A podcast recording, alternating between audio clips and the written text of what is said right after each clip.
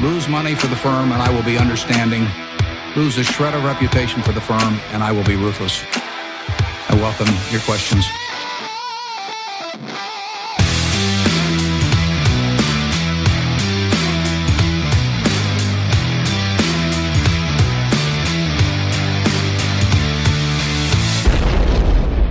Hej och hjärtligt välkomna till Kvalitetsaktiepodden. Det är jag som är Ola. Det är jag som är Marcus. Och det är jag som är Klas. Det här är avsnitt 122. Spelas in i månadsskiftet juni-juli. Men släpps först den 4 augusti. Ja, är den här meteoriten som har träffat, kommer den sändas? Man, man Man vet, vet inte aldrig, vad som man har vet hänt. aldrig. Nej. Nej. Det här är ett rent frågeavsnitt, i huvudsak baserat på frågor vi fick in i samband med utlottningen av Ludvigs bok 101 tankar om aktier. Mm. Så vi borde inte fastna så mycket i aktuella händelser, men om vi råkar ta upp något bolag här eller i något exempel eller något så kan det vara bra att veta. Att det är en månads förskjutning Det här. är en månadsförskjutning. Eh, vi vill ju redan här tacka alla lyssnare som bidragit och kommit eh, med de här frågorna. Vi kommer inte namnge frågeställarna då flera frågor som kommit in är snarlika och väldigt ofta också i hur vi tolkar dem. Mm. Eh, utan ni vet vilka ni är. Och eh, så innan vi börjar med frågorna vill vi passa på att tacka då. För, för att vi fick in så himla många Ja. bra frågor. Vi var ju överväldigade. Ja, det var helt galet. Eh, Man kan skoja om det och säga, men jag hade kanske tänkt att vi kanske får in 100 mejl. Hoppas vi kanske kan få 20 frågor. Det blev inte riktigt så. Det blev i slutändan blev det väl en 180 mejl innan jag hann dra strecket ordentligt och minst 100 av dem, något fler än så, hade med sig frågor. Och vissa mejl hade mer än en fråga kan man lugnt säga. Oj. Vi kan säga att jag gjorde ju en, tog fram lite manus med lite fler frågor än vad ni kände att det är möjligt att besvara. På Ja, du gång. tänkte att vi ska svara på alla. Vi måste vara... Nej, men det var väl hälften nästan som jag hade tagit ut. jag. Jo. Men, Men- men, men, vi, vi, vi, vi sa väl så nu att vi hade blivit 20-25 frågor här och sen så ska vi försöka fördela de andra på avsnitten i höst här lite. Mm. Som veckans fråga och sådär va? Ja, vi, eh, vi återkommer till det. Mm. Så att eh, det kommer bli... Vi, vi, vi slarvar inte bort några frågor här. Nej. Så bortskämda är vi inte med sådana. Eh, några andra?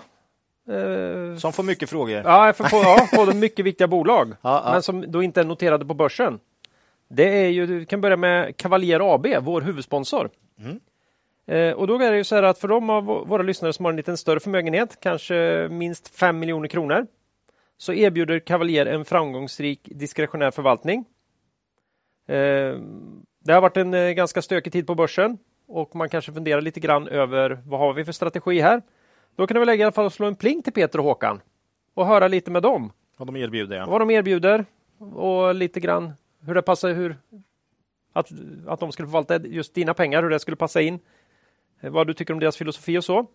Och man ska inte glömma bort att deras tjänst även riktar sig till företag, organisationer, stiftelser och så kallade trädarbolag. Mm. Så att eh, slå dem en pling. Och deras eh, kontaktuppgifter finns ju på kavaljer.se naturligtvis. Vi vill ju även åter slå ett slag för månadssparande i fonder. Det är det bästa sättet att slippa oroa sig för tajmingen på börsen. Det är att månadsspara. Eh, varför då inte en eller båda av Cavaliers fonder, eh, Cavalier Quality Focus och Cavalier Investmentbolagsfond? Och Då ska man komma ihåg att historisk avkastning i fonder inte behöver vara en indikator på framtida avkastning och att ni kan förlora delar av ert satsade kapital då fonder både kan gå upp och ner i värde. Tack säger vi till vår huvudsponsor Cavalier AB. Ja, det andra bolaget här då som vi som vanligt vill tacka är ju vår samarbetspartner Börsdata. Värdeinvesterarens bästa vän både i uppgång och nedgång. Ja, alltid. Det är skönt. Mm. Något att hålla sig i när det blåser Ja. eller när solen skiner. Mm. Eh, på borsdata.se terminal. Mm. Där hittar man ständiga förbättringar. Mm. Eh, så har man inte redan ett medlemskap hos Börsdata så skaffa ett. Vi brukar ju säga att över tid så speglar aktiekursen bolagets utveckling i de allra flesta delar. Och är det någonstans ni kan få koll på bolagets utveckling så är det på Börsdata. Helt sant. Värdeinvesterarens bästa vän, det är ju inget vi bara har Hitta hittat på. Det är på. ju så. Det är ju så. Ja. Mm. Tack så till Börsdata. Innan vi går vidare i avsnittet vill vi påminna våra lyssnare om att aktieinvesteringar alltid innebär ett stort risktagande. Aktier kan både gå upp och ner i värde. Satsa därför aldrig kapital på aktier som du inte är beredd att förlora. Det vi säger i podden ska aldrig betraktas som köp eller säljrekommendationer. Gör alltid din egen analys av bolagen innan eventuell handel. Ja, det här är ett rent frågeavsnitt har jag sagt. Ja, Och då är det så. mm, vad kul! Så eh, vi hoppar eh, rakt in på frågorna som vi delat in i lite olika kategorier. Mm. Vi ska hinna med f- 20 frågor idag. Du ville att vi skulle ta några mer, där märkte jag, men det blir 20. Okej, ja. Eh, och vi återkommer med många fler under hösten. Mm. Vi kanske till och med återinför eh, lyssnarfrågan som ett återkommande inslag i podden. Och eh, även citatet, eller? Ah, vill du? Vill nej, du? Är nej. du sugen? Nej, jag vet Det- inte. It, Nej. It, it's up for grabs. Ja, Det nej, jag, tror, jag tror vi har tagit alla. Man, Ja, men det man, kanske har kommit nya. kan, kan, Ja. kan ha gjort. Kan ha gjort. Vi får se. Ja. Det kan bli men men veckans kan bli fråga, allt möjligt. lyssnarfrågan skulle, det, det, det Ja. låter ju rimligt. Och här börjar vi med en kategori där jag kände att eh, vi skar rätt hårt. Mm, Jag var hård här, för jag kände att det var inte en, en sån podd idag. Privata frågor. Ja, det var en Vad, har- del vad, sådana. vad har du i skostorlek? Ja, är det den typen? Mycket så, ja, Nej. fast det är Nej, väldigt mycket så. kopplat till vår eh, bakgrund och lite vad vi har gjort Ja, och ja. vad vi tycker om. Och Sparkvoter och massa sådana grejer. Hur man Vilken ser är på din bästa- i firman. Och... kan du ta dina topp 10 Dota, Ja, det var mycket sådana frågor. ja, Dota-hjältar? Ja. Nej, nu det- dammar Jans förbi här Ja, det är förresten. för sjuka att det hör nog, om, hörs om, nog knappt. om de inte hörde det här Claes, då... Det tror jag inte. Nej. Jo, lite, men inte mycket. Nej. Nej. Ja. Eh, Jag hörde det bättre än vad jag hör dig, så det finns ju en risk att... Vi, får återkomma med mer sådana Ja, frågor. det är ju perfekt. Nu vet man att man är i Linköping när jag säger igång rejält här. Ja, det är liksom 20 meter från fönstret känns det som. Nej, men vi kommer Ja. återkomma med mer sån här, kanske lagom att ta en sån eh, åt gången så att säga. Ja. Eh, och eh, ja, eh, första frågan då har vi fått in från Mikael Karlsson som bor på Gräddhyllan 1 i Rakvattnet då. Han vill ju att vi gärna kallar honom Big Boy i podden. Han har lite problem med Finansinspektionen här. Han har gjort en rad enpetar i Fingerprint genom åren och vill hålla en låg profil. Profil. Hej, hej Mikael, jag menar Big Boy. Ja. Nej, vi ska inte ha några namn. Nej. Jag skrev det här för att säga det igen. Vi tar helt enkelt inga Nej. eh, Ja, namn. så det var påhittat? Det, där? det var påhittat. ja. Ja. Nej, som det trodde det. Ja. Ja, e- Jag enpetaren från bo- Rakvattnet, tänker jag. Ja, ja enpetaren från Rakvattnet får okej. kalla sig. Nej. Mm. Till första frågan då. Ja. Eh, det är jag som får den. Ja. Hur vet ni att ni gjort ett bra jobb på det stora hela? Jämför ni regelbundet bolagets resultat mot alternativintäkten, tre ingenjörslöner och sparande i indexfonder? Eller är ni så nöjda med att få eh, pyssla med aktiesiffror i Excel hela dagarna att pengarna bara är en bonus och jämförelser inte spelar någon roll? Bra fråga. Mycket bra fråga. Jag svarar på två olika frågor här. Alltså vi jämför oss ju hela tiden mot index för att se hur vår investeringsverksamhet går. Men det här återkommer vi till i en senare fråga. Så det här kommer Ola säga någonting om. Eh, utan om vi tittar på den lite större frågan här om, som handlar om livet, arbetslivet i stort. Så tar vi faktiskt ut tre bra ingenjörslöner ur bolaget idag. Har egna sparanden vid sidan om här, men då kanske inte just i indexfonder. Eh, utan vi, vi kanske är något mer aktiva än så. Det har ni hört om i den här podden. Så det blir lite svårt att göra den här jämförelsen. För vi bedriver ju det här i bolagsform. Mm. Hade man inte bedrivit det i bolagsform så hade man väl behövt göra någon, någon slags överslag ändå eh, om, om liksom, ja, hur, hur blir det här då rent ekonomiskt? Och man kanske är familje, man måste bidra till försörjningen i familjen och så här. Eh, vi slipper tänka på det lite grann så länge bolaget går ihop sig här så, så rullar det på som vanligt för oss. Men det vi har och som jag tror många som då försöker ja, syssla med aktier på heltid. Det är ju det här med frihet. Ja, det är ju Den lite grunden. Mm. Och det- jobba med någonting som är kul. Ja, Ja. Så är det någon gång vi liksom, ah, kn- det knorras lite. Aldrig från Marcus då, men för mig och Ola. Det är ju att vi kanske känner att, äh, vänta nu här, har vi verkligen all tid vi behöver? Ja, det Och är då- ofta det och, som Och är... då visar det sig ofta att det är ju inte jobbet som är problemet här, utan det är ju all skit vi hittar på runt omkring. Jo, Så vi är ju mycket mer uppbundna kring våra ideella åtaganden och, och när vi jobbar med familj och sånt- allt ja, möjligt. Sport och... sport som man har märkt. Eh, Dota. jobbet möjliggör ju att vi sätter oss i de här fällorna. Mm. Men vi har också fruktansvärt roligt ofta. Ja. Så vi har ju en möjlighet att göra saker. Man kan ställa upp, man kan ta på sig åtaganden utanför jobbet. Som det hade varit omöjligt i mitt tidigare liv. Jag vet inte hur Mm. Men du grund- känner inför det här. Nej, men grundfrågan här, det här första här då, hur, hur, hur vet ni om ni har gjort ett bra jobb? Ja, men det blir ju jämfört med index och då kollar vi mer justerat för insättningar och uttag. Hur har portföljen gått? Men som sagt, jag kommer tillbaks till en senare fråga här. Så. Men, den, men också lite grann den dagen vi behöver lägga ner firman här så vi inte kan ta ut våra löner längre. Ja, då har vi ett problem. Det Ja. kommer bli ganska uppenbart för oss så att säga. och fri, det friheten kommer ju minska och, Ja. och alltså. Mm. Men det kan ju bli svårt att hitta tre andra jobb som är lika kul. Ja, Ja, då får man köra som han Adecco. Ja. Ja, det Han har ju det kul. Han har ju kul Det på är- jobbet. Ett par minuter i alla fall. Det är ju ett drömjobb. Mm, nej, men... Så, Och- och- så är det. mm. Jag hade faktiskt skrivit en liten, ett litet svar här också. Okej. Jag, Ja. så jag är ju VD i bolaget, så jag äger ju Olas och Marcus tid lite också. Jag här. Mm, jo, det är sant. Fast Det, känner, jag det lite- känner du.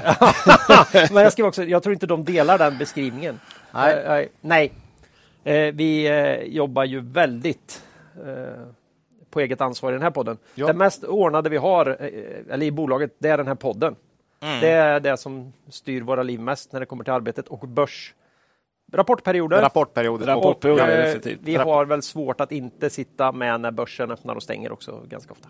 Ja. Annars är det fritt. Podden är ju en mindre del Ja. av våran arbetstid, men samtidigt går den ju i arbetet så mycket i och med att vi analyserar ju mycket aktiebolag då. Mm. Så, så att det blir ju liksom. Ja. Mm. Det ihop sig. Tänkte säga en grej här också bara. Mm. Det är inte så att vi har fått frågor till dig och mig och Maj, utan vi Nej, har, vi har bara sagt så här att en svarar och läser en fråga och sen så får de andra klämma i. Om, om man vill ha något mer sagt. Ja. Mm. Det var bra du sa det, för jag hade en, en första variation på det här som började med att Claes, du är min favorit i podden. Det, det, ja, jag gick Ja, på Mikael istället. Eh, så är det. Nästa fråga har ju Marcus fått på sin lott då. Och vi byter kategori nu till hur välja bolag. Ja, den här är lite, lite lurig. För frågan är så här. Om ni endast får välja ett attribut att titta på hos ett bolag, eh, vilket skulle ni välja som det absolut viktigaste kopplat till investering? Till exempel vinsttillväxt, ledningen, produkten, affärsidén, historiken och så vidare. Och att just välja en och motivera är utmaningen med frågan. Och det blir ju inte så lätt. Det är ju jättesvårt ju. Ja, och det visste ju han, men det var därför han ställde frågan. Men Vi tyckte det var lite kul att ta ut den eftersom den är, det är lite lurigt. Och det blir ju så, även om man väljer en av de här så, så får man ju inte med värdering. Och alla som har hört den här podden har ju förstått att vi tycker värdering är ganska viktigt. Ja, men det, det kanske är värdering som är din enda då? Nej, men det var inte hos bolaget riktigt. eh, Nej, okej, så, så okej. att jag fick inte ta värdering, eh, tyvärr. Nej. Eh, Men det är omöjligt att prata analys av bolag och investeringar utan att lägga in värdering som parameter. Men om vi bortser från det då, för det var ju inte förutsättningen i frågan, eh, så väljer jag vinsttillväxt. Eh, Jag menar, om bolaget gör vinst så faller ju många av de andra parametrarna på plats automatiskt. Gör man vinst och dessutom växer vinsten så gör ju ledningen förmodligen rätt saker. Affärsidén verkar fungera och produkterna förefaller uppskattade av kunderna. Och det är en av anledningarna till att vi investerar i lönsamma bolag. Då. Eh, Att, att man har ett int- intressant affärsidé be- behöver inte betyda så mycket om man inte tjänar pengar. Eh, Gör ledningen verkligen rätt saker om man inte tjänar pengar eh, och så vidare. Så att genom att vi har en tillväxt i vinsten också så visar man att man lyckas att utvecklingen går åt rätt håll. Så att säga. Mm. Så att ja, i verkligheten måste man se på fler parametrar men, men måste man välja en av de här så, så får det bli vinsttillväxt. Man lockas ju lite av att svara historiken här också, för om nu historiken visar på kraftig vinsttillväxt, då har du ju den... Då ska man titta på alla frågor, alla delar också. så lite, lite historiken då. Eh, Men, eh, men mm. vi, jag, vi, jag tror det lite, lite, man, Lite man fuskar lite Ja, om man ja. säger Mm. historiken. ja, vinsttillväxt är ju fruktansvärt viktigt eh, i ett, i, när man ska köpa aktier. Ja. Ja, jag, jag hade skrivit här att jag vägrar. Jag kräver att få ta EV-ebit. Men Marcus låter mig ju inte. Så i sådana fall tar jag tillväxt i eget kapital då. I eget kapital? Oj. Det, det är ganska ovanligt att titta bara på det. Ja, nu gör jag det. Men Ja. ma- man får välja. Får man göra. Det, Jag fick ju bara ta en för fan. Ja, Ja. ja. Vad ska jag göra då? ja, nej, lycka till säger jag. Ja, ja. jag tror att det kommer gå jättebra när du sitter med Ja. den här goodwill-ökningen. Men det är många fina bolag som ökar, så kan man säga. Ja. Ja. Men, men, eh, det- Vinsttillväxt hade jag nog valt här då. Eh, om, om, om, om man inte får välja historik. ja, all historik. All historik. Den har varit bra. Men det är lite roligt för ändå, för tittar man på de här så finns det nog en hel del som har investerat efter affärsidé till exempel. Ja. Och efter produkten är ganska vanligt. Ja. Så att det är inte alla som rakt av liksom, Sällan tittar på bra. vinsten. Eller ganska ofta det blir fel skulle jag säga. Eh, däremot har Peter Lynch väldigt många och, och Buffett också kört mycket produkt och kanske inte bara kollat, definitivt inte varit stenhård på värdering, utan man har sagt rimligt värderad, men en produkt som alltid håller på något sätt. Eh, så, mm. Men det är ju så svårt det där. Jag lever ju med diverse allergier själv och i min familj så vi eh, har ju inga mjölkprodukter överhuvudtaget hemma så då är vi ju helt Oatly-beroende. Det är det bästa som har hänt. Hela Oatlys eh, sortiment Ja. är, är fantastiskt. Och så var det väl någon alltså, DI-artikel kanske om hur jäkla dåligt. För jag fattar ju att aktien har varit kraftigt övervärderad, eh, men att även bolaget har otroligt svårt här. Eh, och det, ja, men det känns ju svårt då för mig, för jag känner ju att de skulle kunna höja priserna rejält. jag skulle inte... Nej. Jag kan säga rakt av, de kan dubbla mot mig. Ni måste som ju jag ha- är beroende av de här grejerna. Mm, mm, Eh, För vi kan inte använda soja heller. Så, man börjar ju... så det är jättebra, men man är ju udda. Mm. Att, att, att använda mig själv som exempel är ju hel, Alltid svårt. helt fel va? Ja. Den lynchningen kunde hamna snett. Kan Den kan hamna verk, uppenbarligen hamna verkligen snett. Så jag Mm. hoppas, jag hoppas att de kan hitta en prisnivå här och en, en, en väg framåt. För det här är grejer som behövs. Mm. Definitivt. Det alltså. vittnar ju lite om problemet med att bara titta på produkten. Ja, såklart. Ändå. Nej, Så men att, det... eh, Svår fråga, men lite kul tyckte Ja. Ja, nej, men det har vi inte eh, wait för. Nej, nej, nej, vi har tagit jättemånga En del- en del- jobbiga. Ja, vi har en del frågor som är så långa så jag skulle behöva kondensera dem lite, men det har jag inte haft tid för. Att göra det jobbet att Nej, nej. smälta ihop en riktigt, riktigt komplex fråga Till, till bara något kortare. Den, den har vi inte, den har vi inte tagit. Jaha, Då, Ola, då är det det är jag- din tur. Mm, Bev bevakningslistan. Mm. Eh, det är ju då alltså, antar jag, alla de bolag vi liksom följer och, eh, och har i våra våran analys, Excel-analysark. Exakt. Eh, antar jag här då. Och det är frågan som de har ställt och Nej. är svaret ja. Ja. Nej. För ni den helt manuellt eller använder ni någon sorts automatisering som till exempel kurs, kurslarm? Här kan jag då säga att Klas för ett antal år sedan gjorde den så pass bra så att man eh, klickar på en knapp så läser den in från, eh, från Avanza. Mm. Så kan man säga. Så den Aktuella är kurser. aktuella kurser. Eh, vi får, måste ju tyvärr uppdatera vinst och Va? Går inte det automatiskt? Det skulle vi också väldigt gärna bara vilja Ja, läsa in. ja, Kan, kan du eh, lägga in en knapp så får vi nya prognoser? fram, framtiden. Så. Mm. Nej, nej, men eh, så, så där, eh, där eh, har vi en automatiserad. Det- Jag satt jäkligt länge och skrev in kurser för hand, men, men eh, det här är automatiserat nu.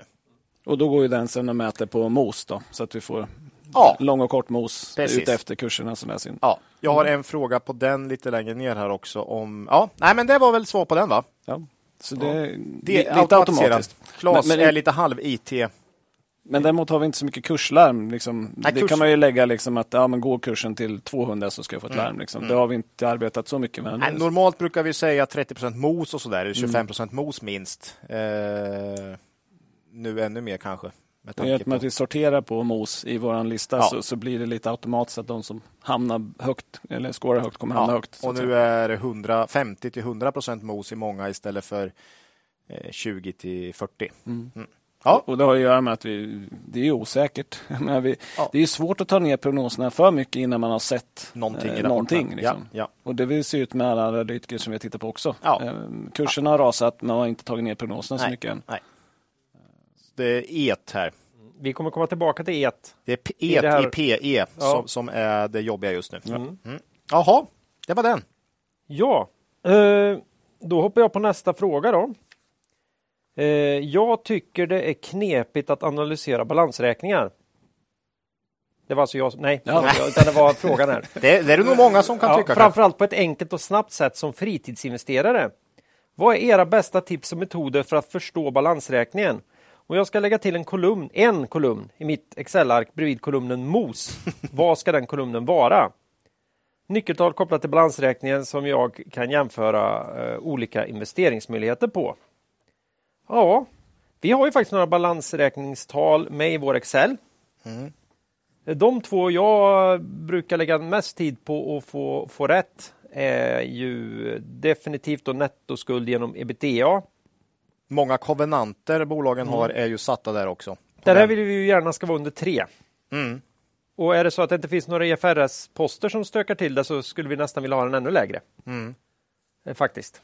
Men eh, vi har väl fått acceptera det här med att det är lite jobbigt att rensa för alla konstiga IFRS eh, leasingskulder och skit. Så att det har nästan hamnat där. Så några bolag som nog inte hade kommit undan för kan passera våran radar lite lättare nu. Mm, det är 3,2 3,3 kan också passera. Vi höjde nästan från 3 till 4 Ja. när det blev som värst. För Ja. vissa bolag drabbades ju stenhårt. Men där går vi också in och ser i de gräns, liksom, gränsfallen så får man ju kolla vad är.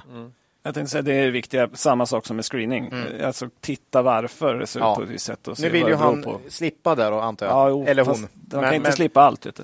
Nej, nej, precis. nej, men det är ju det som är lite jobb. Men samtidigt, det är ett väldigt bra mått för att se hur skuldsatt ett bolag är.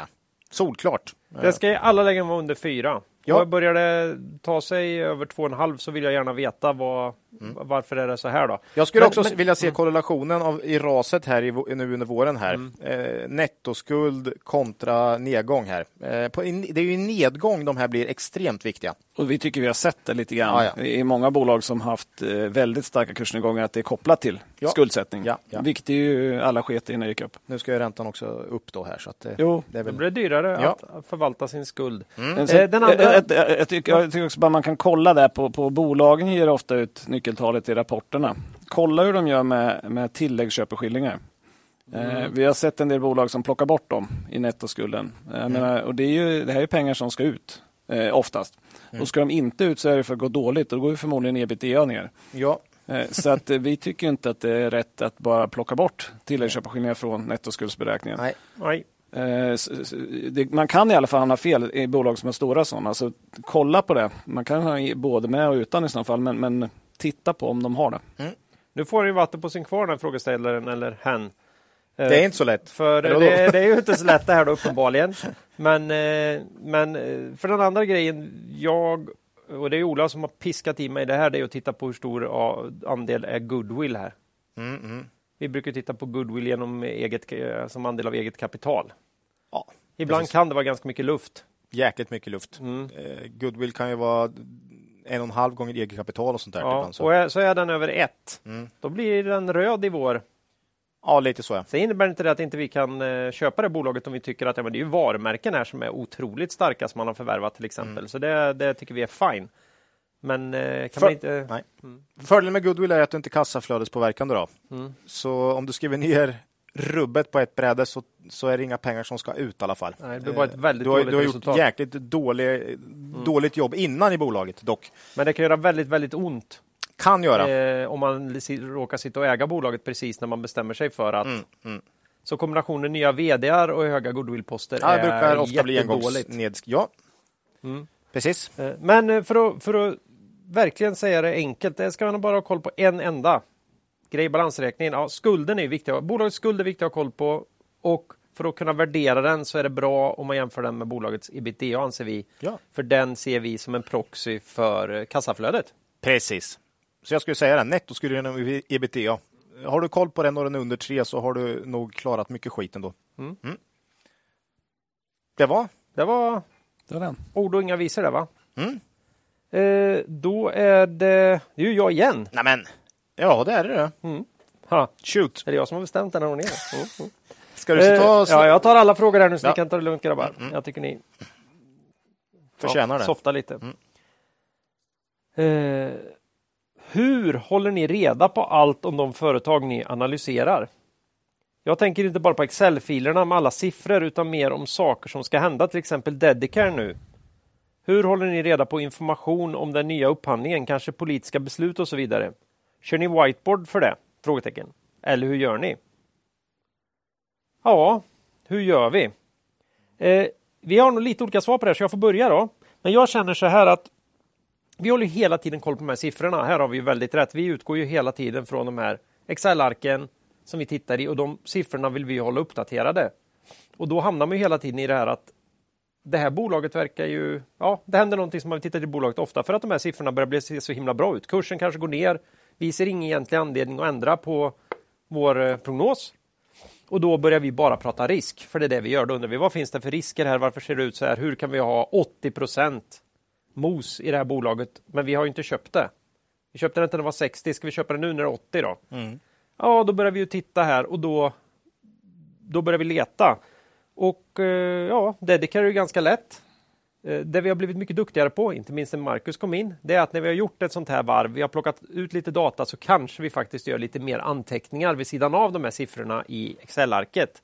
Så att den här övningen ska gå mycket fortare nästa gång. Vad är det för triggers här?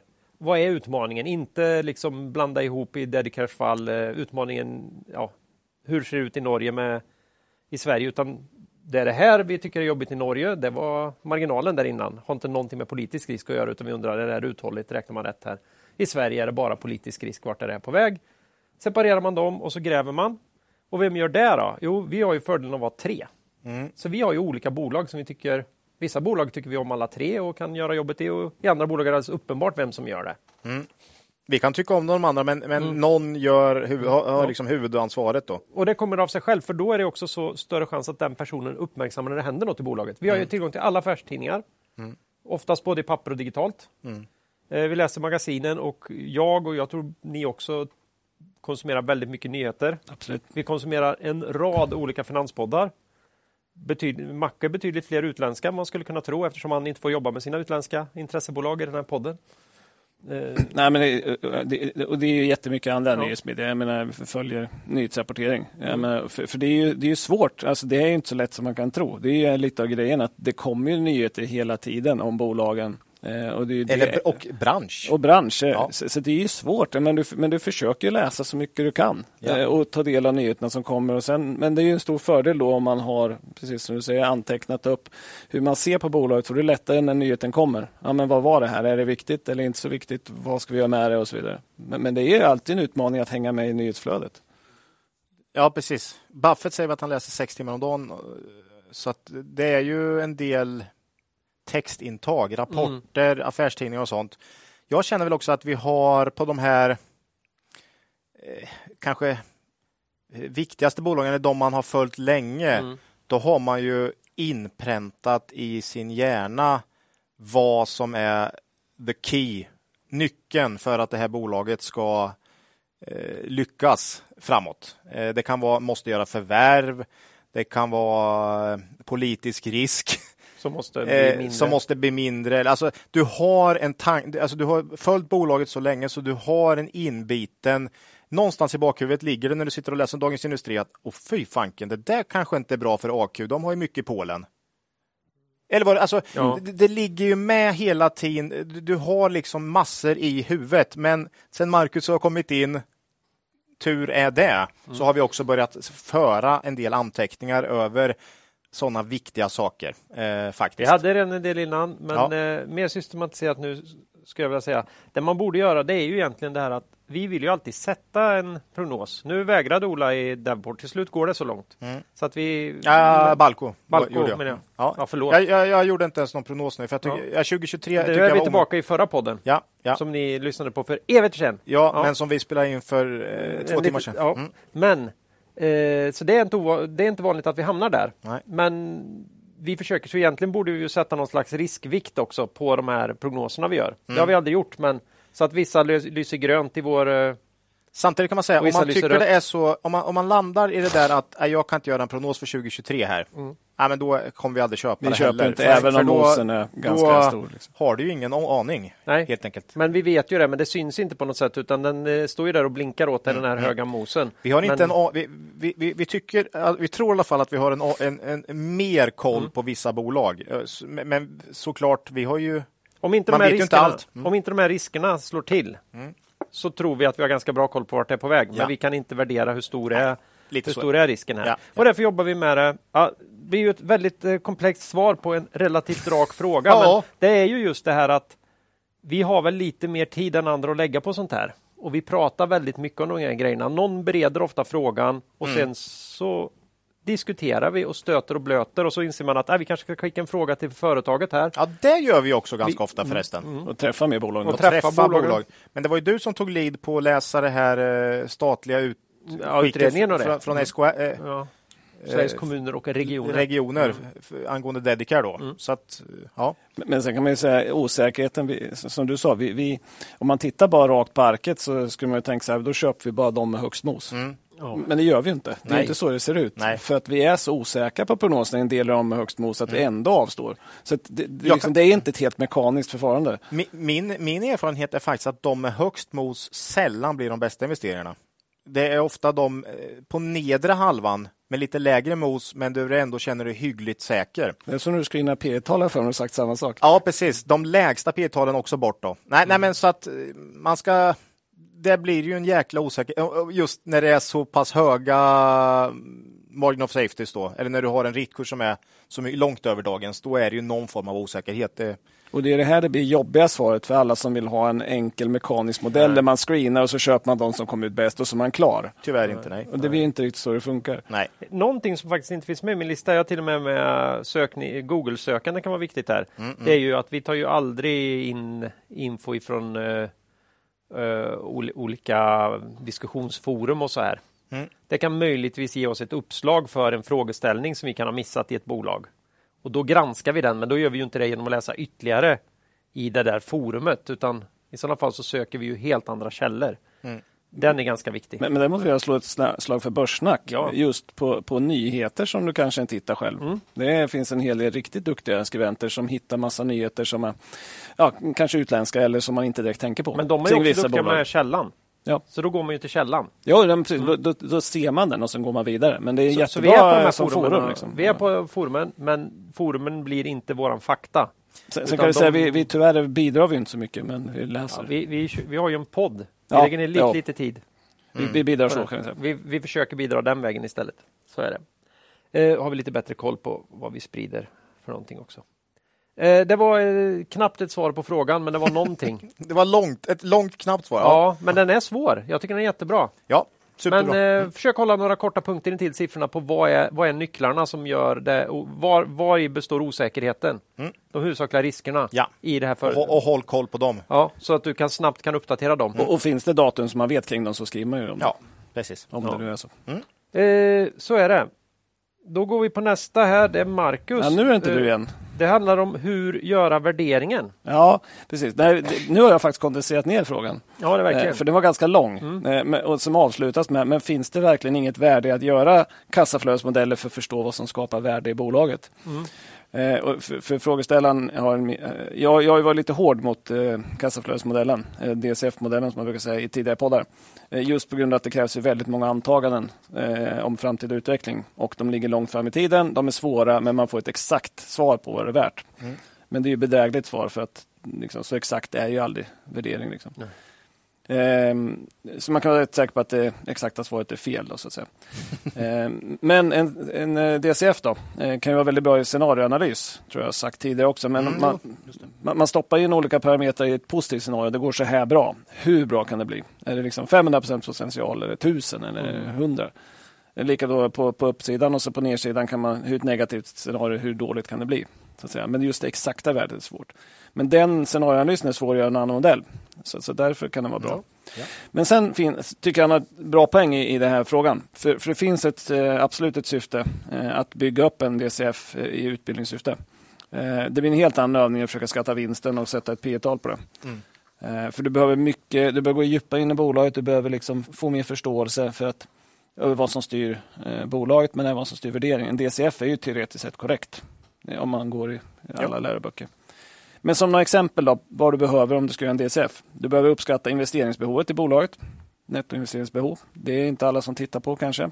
För du måste ju få fram kassaflöde. Mm. Det vet jag nästan alla DCF i Cloetta hade med den här nya fabriken.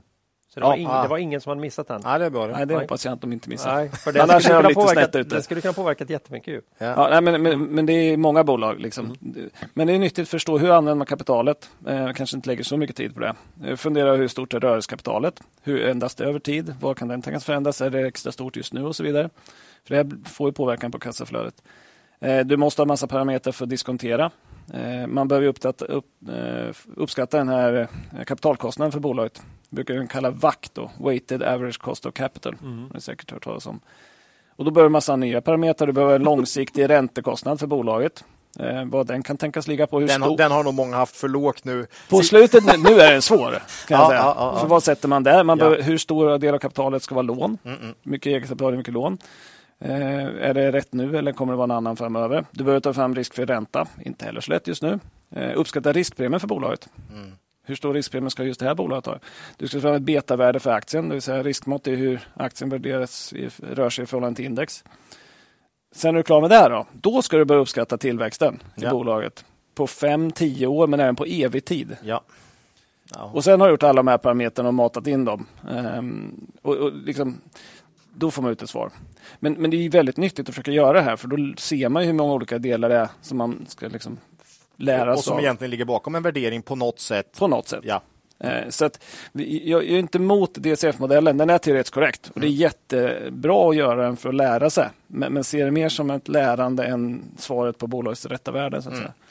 På något sätt, vi har ju mer bara kokat ner det till ett bolag som växer och delar ut pengar varje år och du kan köpa det till åtta gånger årsvinsten. Mm. Ja, då vet du hyggligt. Det brukar sällan bli fel. Ja. Eh, man behöver inte, som, som Buffett säger, jag ser på det här att det borde inte bli en dålig investering. Mm. Men han har inte kanske räknat fram något exakt värde. Men Men, men de kan ju det här med värdering. Men, Ja. men, men för, Jo, jo, för, för alla andra så är det ju, det är jätte, ja, frågeställaren är jättebra värld Ja. ute tycker jag. För att Ja. det är en jättebra idé att göra det för att lära sig. Och vi gjorde det på universitetet, Mm. eh, på eh, ekonomikurser. Ja. Så, så man, det är ju där teorin börjar.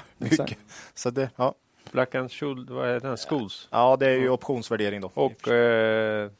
Kappen behöver för att kunna få fram. Ja. backen. Ja. Men, men så bra fråga tycker jag på temat att det, det, det är inte alls så att det inte finns något värde i att göra en DCF. Det Nej, jag, tyck, jag tycker nog man kan till och med lä läsa en bok i ämnet och, och, och liksom fundera på ja, så här, det här påverkar en akties värdering. Japp. Eh, och sen kanske man kan lämna det dit hän tycker jag.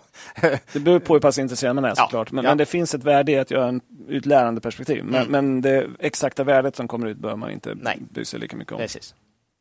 Nej, men det här är väl, eh, för att dra något som är väldigt aktuellt, det har varit väldigt många militärer på tv. Och eh, Mm. då tycker de, men hur, hur känns det liksom att, att bara hålla på och studera och lära sig om krig och hur man dödar folk? Liksom? Mm, mm, mm. Varpå de svarar, nej, vi studerar ju hur man ser till att folk inte dör. Mm. Det är ju den huvudsakliga sysselsättningen så att säga. Det finns ju alltid två sidor av alla mynt och det Ja, är samma ja. sak här. Ja. Jag tror nog inte man ska dra med sig DCFen i, i ett anfallskrig. Men man kan definitivt behöva den för försvar mot Mm. alla som använder DCFen Ja. från andra hållet så att säga. Så att det, det är nog läge att kunna lite grann om dem för de dyker upp hela tiden. Mm. Och eh, ja, Och, används. och det första Marcus sa, scenarieanalys. Faktiskt bra där, tror jag. Mm. Eh, Sätta in lite olika. Vi brukar ju mer kolla usel marginal, historiskt Mm. lägsta och sen koppla det och vad, hur ser värderingen ut då. Så. Mm. Ja. så det finns olika sätt. Ja. Mm. Bara man använder åt båda håll, hur bra och hur dåligt Ja. kan det bli. Så inte bara hur bra kan det bli, Nej. för då är det ju livsfarligt. Nästa fråga har gått till dig Ola. Oj, Mm. nu ska vi se här då. Hur uppskattar ni de finansiella kostnaderna? Det här, prat, det här handlar alltså om finansnetto då. Eh, tittar ni på skuldsättningen och försöker anta någon ränta eller hur bär ni er åt? Har ni något tips som kan hjälpa mig till att uppskatta bättre prognoser på sista raden? Mm. Ja, nu börjar ju faktiskt räntekostnader kanske komma lite mer på tapeten igen då. Eh, det har ju nästan varit som... Det har varit lite för lätt ett tag. Ja, det är ju så. Eh, EV-EBIT har ju varit en väldigt bra approximation på något sätt. Eh, av. Men, men ja, nu börjar det dra iväg här nere. Faktiskt. Eh, Ja, det finns lite olika sätt. Eh, ganska ofta kollar jag vad de har haft sista fyra, fem kvartalen. Eh, vad har finansnetto legat på? Det jobbiga är ju att det finns ju valutafluktuationer och sånt med också. Och det går ju hit och dit. Så att det behöver inte bara vara ränta, för det är ju räntenettot du egentligen vill åt. Absolut. För valutan slår hit och dit mellan kvartalen. Många bolag skriver dock ut av finansnettot så är si och så många miljoner räntenettot. Ja, men då vet du ju. Eller hur? Ja, de flesta är faktiskt ganska bra på just det. Ja, och då vet du tills de gör ett nytt förvärv åtminstone. Eller så, som de betalar eh, med lån. Eh, men man kan också kolla på skuldsättning. Det gör jag också ibland. Jag gör båda och, bara för att kolla rimligheten. Ja, de har 300 miljoner i skulder. Gångra det med en rimlig företagsränta nu då. Och i årsredovisningen så finns det en not med löptider och eh, Ja. så oftast. Så att, eh, Precis. finnas. Eh, så, så att eh, jag tycker man kan kanske göra både och. Kolla lånen, företagsränta. Men företagsräntan kan nog skiljas en del också mellan olika företag. Ja, stå, det bästa är om du kan hitta, det står ofta i text i kvartalsrapporterna. Av finansnettot så är si och så mycket räntenettot och då är det där du lägger kom, tills de eh, tar några nya skulder eller något. Sen är ju det här viktigare i vissa bolag än andra. Jag menar, Ja. eh, Om du håller på med kabel bör du inte lägga mycket tid på skuldsättning. Nej, och vi har ju ofta bra bolag med väldigt bra balansräkningar och om du gör liksom 70 miljoner ebit och räntekostnaden är på 2-3 miljoner, då är det ju inte så, om, om, liksom, är det två eller är det tre? Det spelar ju inte jättestor roll för vad du kommer fram. Så Nej, det är det vi brukar nästan landa i. Att Ja. Tittar man framåt så eh, man hamnar lite, lite snett på räntenettot, men det är inte avgörande nej, det är för inte analysen. avgörande. liksom. Det är avgörande för bolag med stora skulder. Ja. Och de försöker vi oss hålla ifrån också. Så att, mm. Så, så därför blir det inte lika stor fråga Nej. för oss som kanske om man tittar på ett fastighetsbolag eller något liknande. Nej. Men eh, man bör nog vara lite offensivare i sina ränteantaganden framåt Ja, naturligtvis. precis. än vad man har varit. Så är det ett bolag som ser jättefint ut, men det är lite, kanske gjort förvärv och lånat upp lite och så där, då, då får man nog anta att det kommer kosta en del. Det är nog ganska smart. Du tänker serieförvärvare här eller? Nå, det finns väl andra som är duktiga på att förvärva, Ja, det är sant. som inte tycker om det Ja, även, även många bolag vi följer nära och äger eh, förvärvar ju kontinuerligt. Så att, Och, ja, men vi är inne i en väldigt negativ börstrend när man sätter fokus på, Ja. på en balansräkning. Så då kan det bli lite extra, i den miljön är kanske extra viktigt att inte hamna Vi kan ta snett. ett bolag som Inwido där vi gärna skulle se att de lyckas hitta något större. VB eller kanske VBG. VBG. Eh, kan mycket väl bli med belåning. ja. Eh, och eh, då gäller det ju att tänka till. Den blir ju lite, framförallt när man gör det här förvärvet när marknaden är oerhört negativt inställd till framtiden. Då blir det kanske, oj, förvärv och så skulder. nettoskuld. Ja. Kraft ner då. Men eh, för ett år sedan hade det varit 15 procent upp va? Och det lustiga är att de köper billigare då nu precis. eftersom de så kan. Allt har ju med marknadssentiment att göra där och rädsla. Ja. Nej, men, eh, Men det är då du möjligtvis kan göra ett arbitrage på att du har en annan syn än marknaden. Ja, absolut. Eh, så är det. Och det handlar ju mycket om, är det här ett bra bolag som kommer att överleva och tror, ja. Så är man tillbaks där. Kommer Ja. världen gå under då? Och det här. Effektiv marknad på kort sikt. Eller de här. Eller på lång sikt. Sen kan man väl återigen, det vi säger ofta, att gör inte för komplex modell. De, Nej. som du var inne på, lite alltså ganska enkla modeller här är good Funkar ju. enough. Ja. För det finns massor med andra parametrar runt omkring här, valutor och inköpspriser som är skenande för när räntan går, ja då finns det ju ofta inflation i systemet. Mm. Och inflationen i olika, olika länder ska du börja hålla koll på. Är det Kina det här kommer ifrån huvudsakligen eller är det från Brasilien eller vart, vart, Mm. vart har de? Alltså, då, viktigt är att ha med komponenten och inte tappa bort den. Och margin of safety har du också, för Mm. ibland missar du något. Och det, så att, eh, eller du missar alltid något.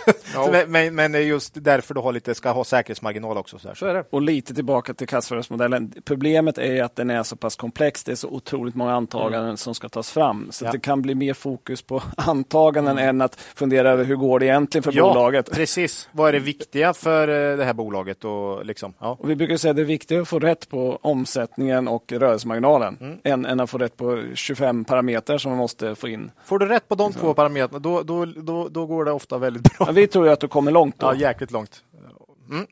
Ja, nej, men, så här. men räntenettot är viktigt i en del bolag. Ja. Mycket- Mycket bra fråga. Det blir viktigare och viktigare nu när marknaden är negg. Precis. Då är det Marcus igen här. Ja, Ja, en, en eh, fråga som jag tyckte var lite kul. Mm, just det. Eh, för, för vi fick in den här frågan. Är vd-ord viktiga? Frågetecken. Vilka fem nyckelkomponenter anser ni att en, ett vd-ord bör innehålla för att stämplas som MVG? Lek med tanken att ni själva satt på vd-posten. Mm. tyckte jag var kul för att vi tycker att vd-ord är intressanta. Claes är ju vd. också, Ja, så Claes, men han skriver inte så långa vd-ord. nej, de är jättedåliga. Ja, ja, ja. Men, men vi läser ju dem Ehm, och, och, och vi tycker att det, de här vill vi ha bra. Och då satte jag samman vad tycker jag vore bra då eh, Eh, och vad man skulle få MVG. För man vill ju ha en transparent och klar bild av hur det gått för bolaget. Och då ska man ju bland annat ha uppföljning av projekt och initiativ som man tidigare talat om. Eh, viktigt med återkoppling hur saker går. Vi gillar ju inte när man liksom lyfter fram saker och sen bara försvinner de. Och så får man aldrig reda på någonting och hur det var. Eh, för, för, för bolaget startar ju nya saker hela tiden, projekt och sånt. Men, men vi vill även veta hur gick de tidigare. För oftast är ju, har man inte, säger man ingenting så gick det inte så bra. Precis. Det brukar ju vara Ja. tyvärr. Så, men, men vi vill ändå veta, återkoppla till vad man har sagt tidigare. Få en röd tråd i de här. Eh, Men sen vill vi veta såklart, vad har gått bra under kvartalet? Men inte bara vad, varför har det gått bra? För varför säger ibland då eh, Sandri, hur kan det fortsätta? Eller var det en tillfällig grej eller hade man hjälp av marknaden eller liksom hade man tur? Men om man har, kan förklara varför vi har gjort så här, så här, så här så kan man se det här är faktiskt bestående. Det här kommer nog gå bra även framöver. Så, så säg inte bara vad som har gått bra, men varför. Ja. Och sen tvärtom. Vad har gått dåligt och varför gick det dåligt? Ja. Av exakt samma anledning. Är det här, har ni haft otur eller har ni gjort något dåligt i bolaget? Är det strukturellt? Kommer det liksom fortsätta vara så? Mm. Vi historiskt sett just fram AQ som har varit väldigt transparenta med allt som går Och dåligt. Väldigt transparenta. Ja. Eh, vilket vi uppskattat. För då Mm. får man verkligen reda på det som går dåligt. För, för här är en, en, en big no-no i min bok. Eh, Om man håller på att överdriva positiva saker och aldrig berättar vad som går dåligt. Fruktansvärt jobbigt. Och så ser resultaten dåligt ut och så sitter man där. Men, men hur kan det inte ha gått bättre Mm. än så här när ni liksom mm, pratar så här positivt? Det, det värsta tycker jag... Ja, kör, kör klart innan först. Ja. Mm. Eh, och sen en, en jätteviktig till. Engångsposter. Finns det engångsposter eller engångskostnader? Liksom? Beskriv vad och hur de uppstått och varför. Eh, för vi vill ju se hur går bolaget. Och då vill vi rensa för sånt som inte återkommer och sånt som inte är så viktigt. Så mm. finns det massa sådana saker, det måste beskrivas. Annars får vi en felaktig bild över hur har Core gått så att säga. Mm. Och sen sista, hur man ser på framtiden, gärna prognoser. Ja, men bolaget har bäst koll på förutsättningarna för bolaget just nu, hur marknaden ser ut, vilka initiativ man har, hur, hur, hur det går. Ge gärna en prognos. Hjälp investerarna att förstå vart mm. bolaget är på väg. Mm. Eh, så Eller åtminstone vi upplever en fortsatt stark marknad och lite, måla ut lite i alla fall. All, all sån ja. hjälp. Sen ska den givetvis inte överdrivas och det ska Nej. vara en korrekt bild av verkligheten. Men, men, men vi gillar prognoser mm. ändå när bolagen kan hjälpa till. Sen mm. kommer vi tro mer på dem om man uppfyller dem historiskt. Ja. Nej, jag tänkte bara flika, ja, men ja. bra. Jag tänkte bara inflika en, en omvänd här då.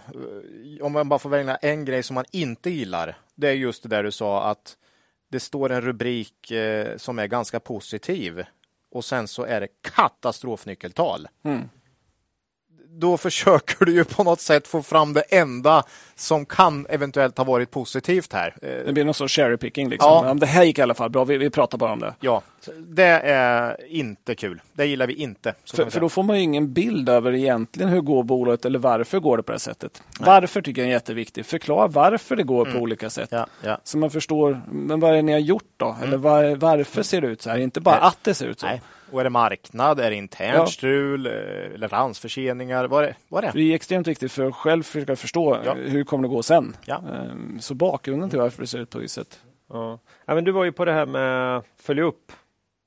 Det, det, det, är ju jätteviktigt. Du kan ju inte liksom och var inte vag. Liksom, har du, är det ett initiativ? Vi tänker gå in i Norge.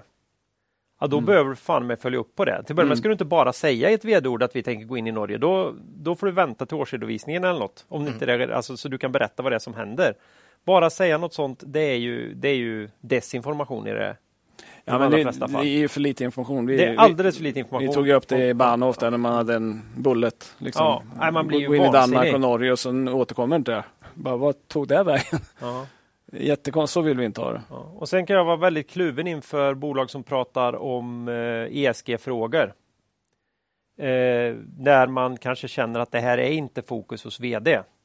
Här tycker jag man skulle, om man har ett seriöst ESG-arbete, släpp fram de som faktiskt jobbar med det. Och nu inte det är det, det som ligger VD varmast om hjärtat, ta åtminstone hjälp och var öppen med det då. Det kan väl få plats i ett VD-ord, men säg här att så att det blir tydligt, för det kan bli ganska så stolpigt. Det märks att man liksom bara prick, man, man bara checkar av det. Och så kanske det, då, då kanske det är precis så det bedrivs i bolaget, men man, man ska vara lite, lite försiktig där. Det är mm. också, också sånt där som kanske kan få en egen, få en egen rubrik någon annanstans. Måste inte vara i vd-ordet. Nej. Men vd-ord är bra ändå, mm. Eh, om de är bra. Mm. Eh, men jag, jag, tycker svenska vd-ord håller bra. Mm. Eh, de bolag vi lär, mm. gillar att följa tycker jag ändå håller en bra klass. Men allt kan bli bättre i och för sig. Ja. Alltså är man lite deppig någon gång över svenska eh, kvartalsrapporter, då är det bara att läsa några amerikanska. Ja, då blir man deppig. Och då blir man ju så fruktansvärt jävla deppig. De är ju, det måste vara någon lag som säger att de ska vara otillgängliga och och tråkiga. Tråkiga, st stylpiga. Nej, det är, ja. ja. Nej, och har, ni, har ni aldrig läst en sån heller så gör det så ni förstår hur Warren har det. Men det är därför han behöver läsa 6-7 timmar om dagen också. Så, ja, det blir så mycket mer imponerande det han gör. Nu är han en tråkig... Nej, ja. nej.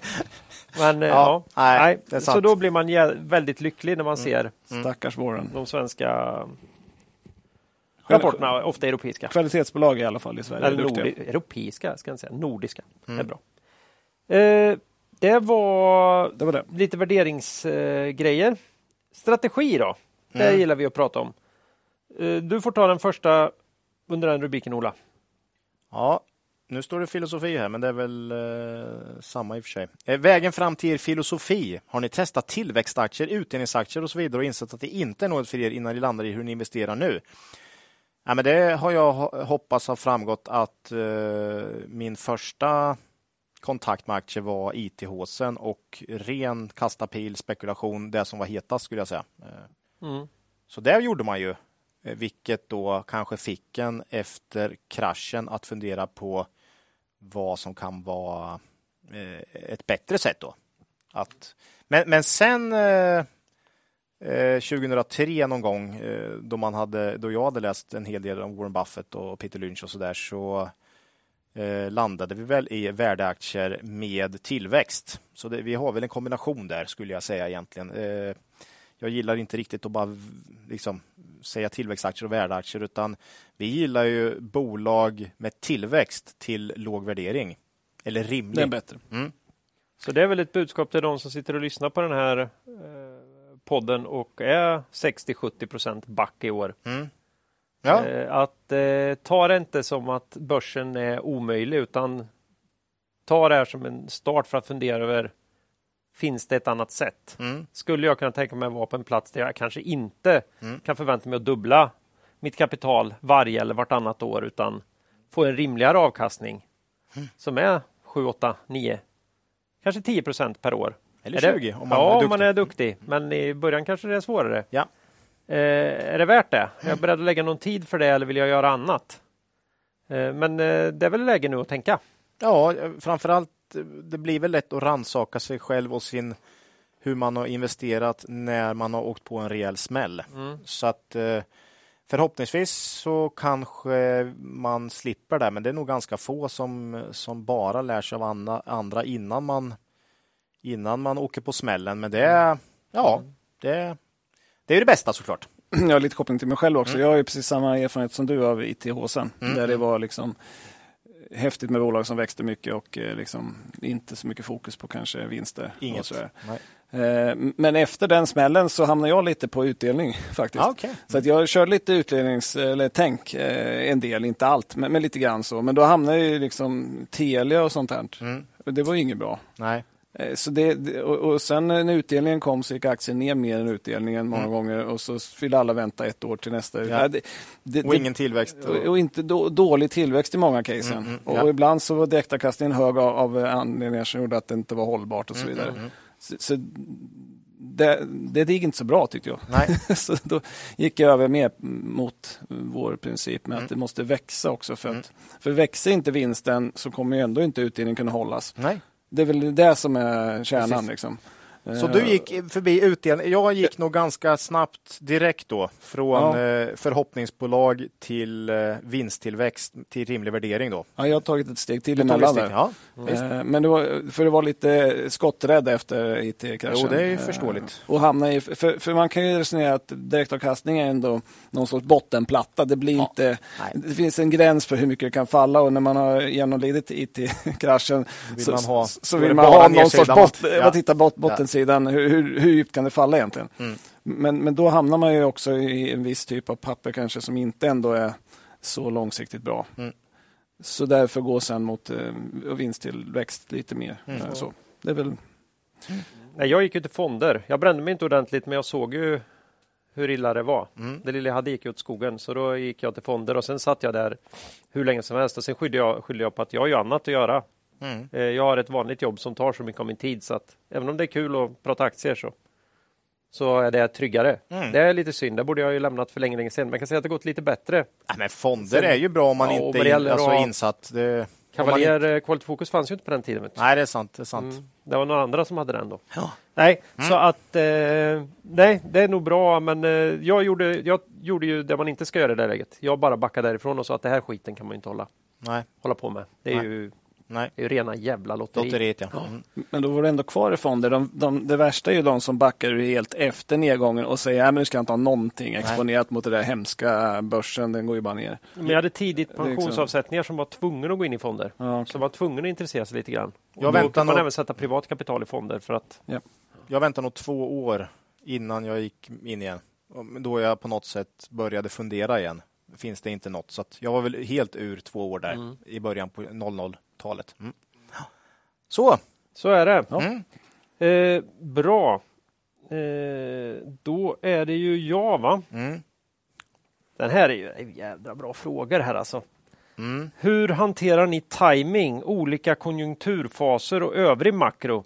Känner ni att er modell är så stark att den klarar såväl hög som lågkonjunktur, stigande som fallande räntor och så vidare? Eh, ja, vad, vad hette den här eh, eh, filmen? Eh, Drömkåken va? Med, När han, med, han, frågar, han, Björn frågar hantverkaren där.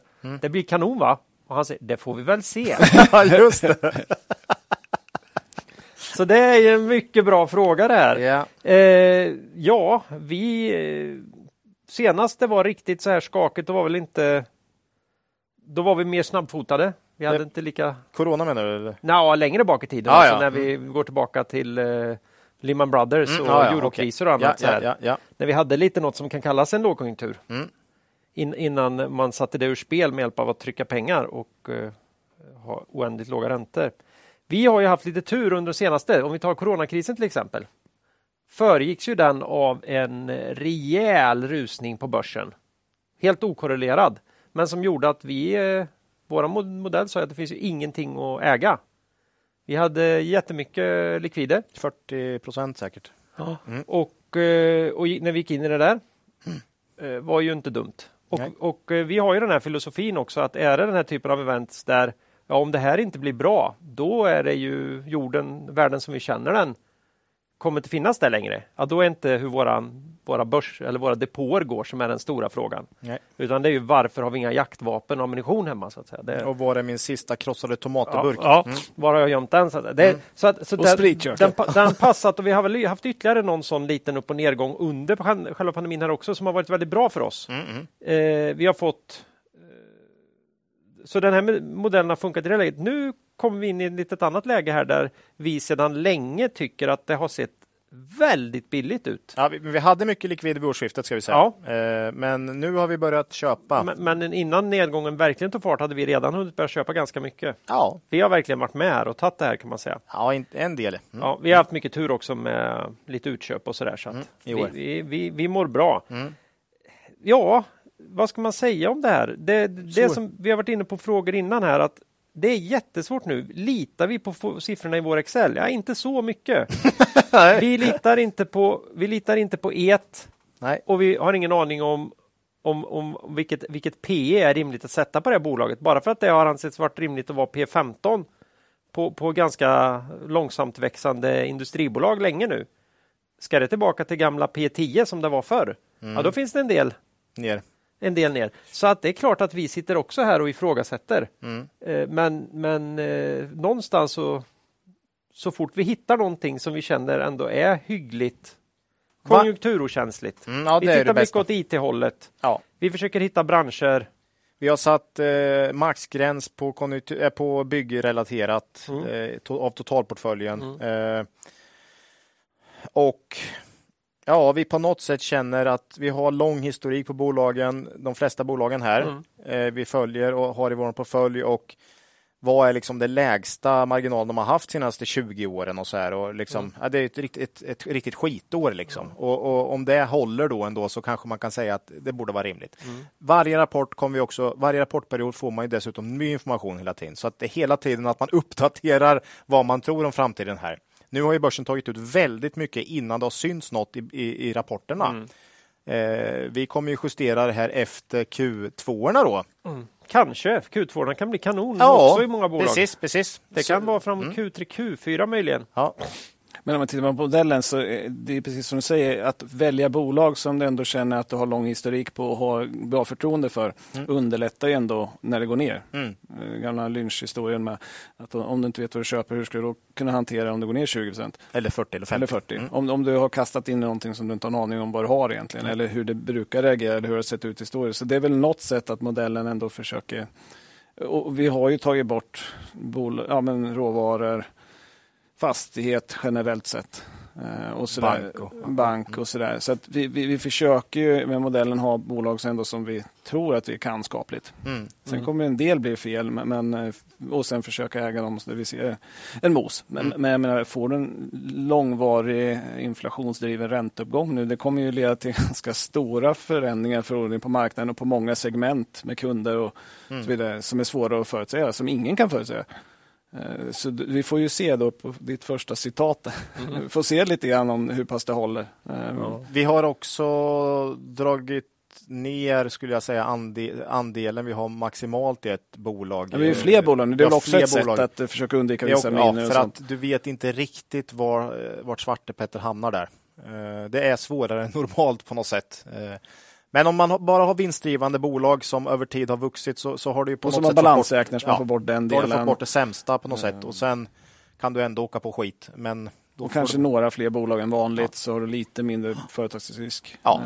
Eh, men så är det och efter varje rapport så får man fatta ett nytt beslut om det här ser ut att bli en riktig så kallad bajsmacka eller Och sen är det ju så här att vi bryr oss ju om eh, konjunktur och, och makrofrågor och så här utifrån varje bolag. Så vi tar ju med de här grejerna när vi sitter och värderar bolagen. Ja. Både i när vi försöker gissa på deras framtida intjäning och när vi försöker på något sätt känna in vad är risken här nu då? Hur sannolikt är det här utfallet? Mm. Eh, och då är det nog så att i många fall där vi hade sagt att ja, det är fan nästan 50-50 att det blir så här Mm. under de kommande 12 månaderna så är det väldigt sällan vi vågar vara så Ja. eh, självsäkra. Och lägger man dessutom på frågan, kommer den här, det här förväntade P vi har, kommer marknaden ge oss det nu i närtid för den här typen av bolag? Då får vi ärligt säga att vi har inte den blekaste aning ibland.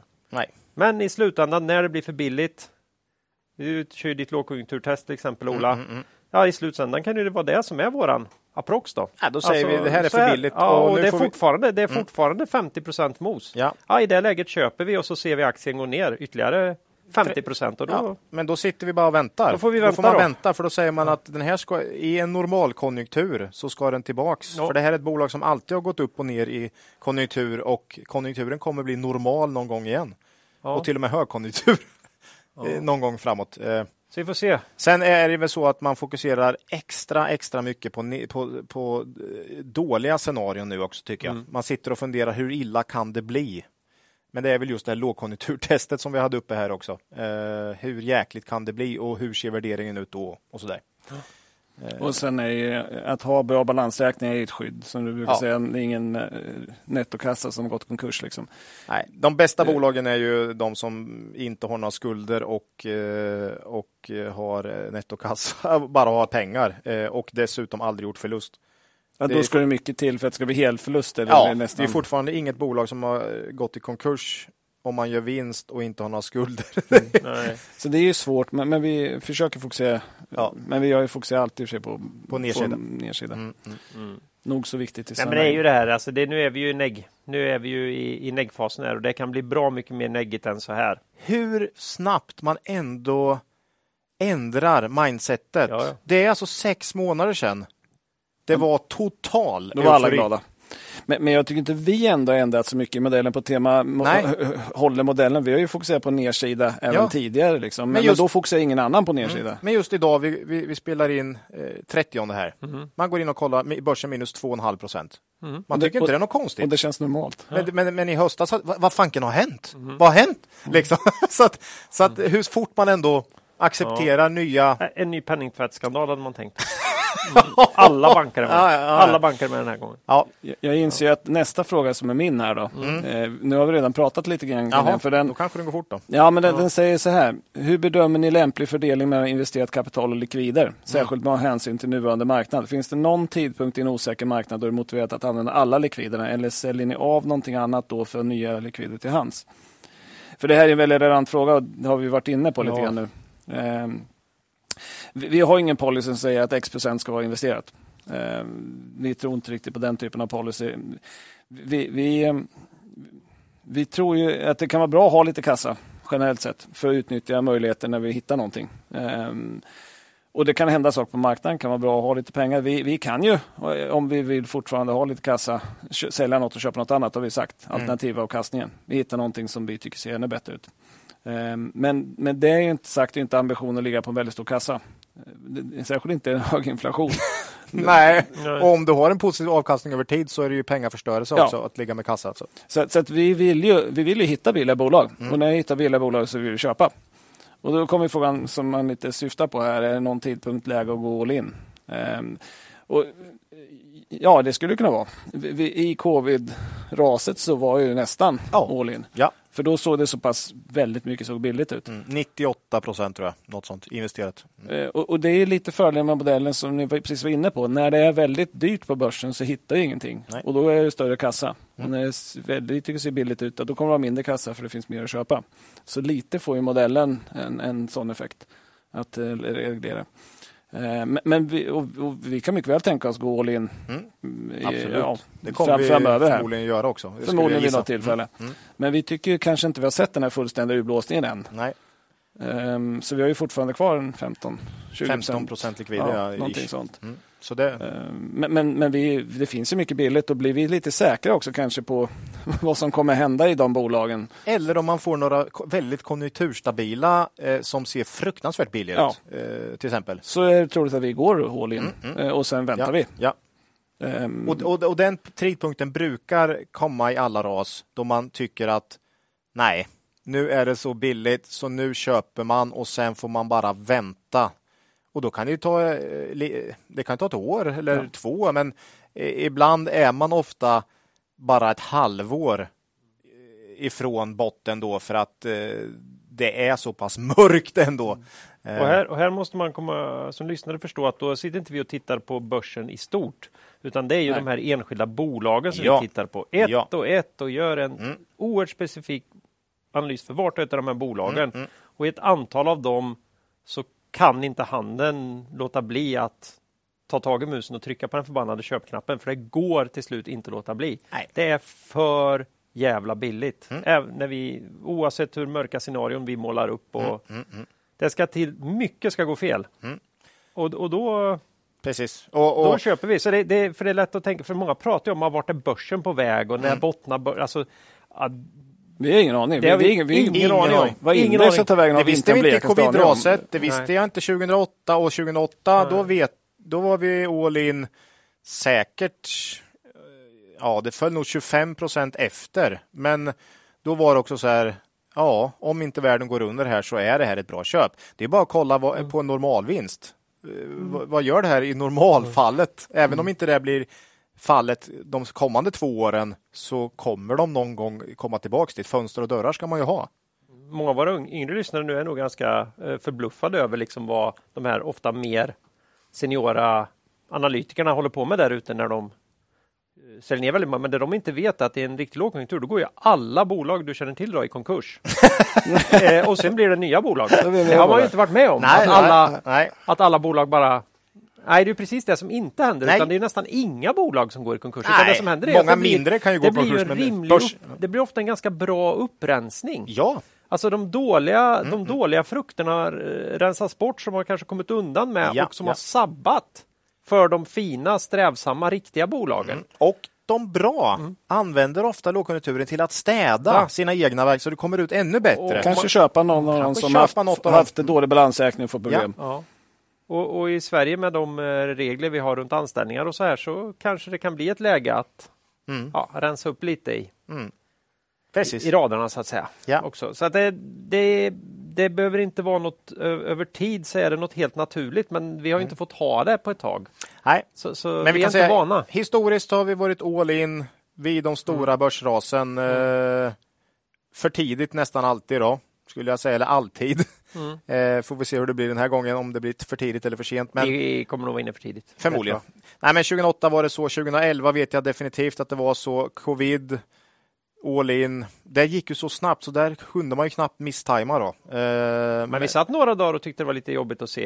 ja, det bara försvann ner. Det bara försvann ner. Ja, ja, så är det ju alltid. liksom. Var det 15, 20 ner innan det? Fast det gick över några dagar bara. våran portfölj? Ja, det gick över några dagar men Ja, det var rejält Det var ner det nog alltså. kanske. Ja. Jag vet Men inte. du hann ju inte ens reflektera över det för att när Nej, du kom sen- tillbaka på tisdagen, ja då var du tillbaka var på... inte... Nej, så är Ja, nästan faktiskt. Nej, det var ju löjligt. Det var väldigt. V-betonat. Ja, det var det verkligen. Ja. Hemskt. Det känns inte riktigt som det är samma Nej. V nu. Det, Nej, gör du. det inte. Det, Det gör det faktiskt inte. annat. Det gör det inte. Så där ska det inte få vara. Nej. Som det var Ja, då. och det kan ju få. Ja, men det var ju därför att med. eh, man gick in och räddade från centralbankerna. Och med, men det kan man, man- inte göra samma sak Ja, nu sen känns det såg man ganska fort att det här kanske inte var det här som skulle sopa bort 10 procent av världens befolkning. Nej. Eh, och, och man börjar prata om vaccin och så att det kom ändå positiva grejer. Det kommer säkert komma positiva grejer här snart också. Eh, men som sagt, det är inte lik, det, det, man, man, man ser inte att det är lika tydliga triggers på. I... Ja.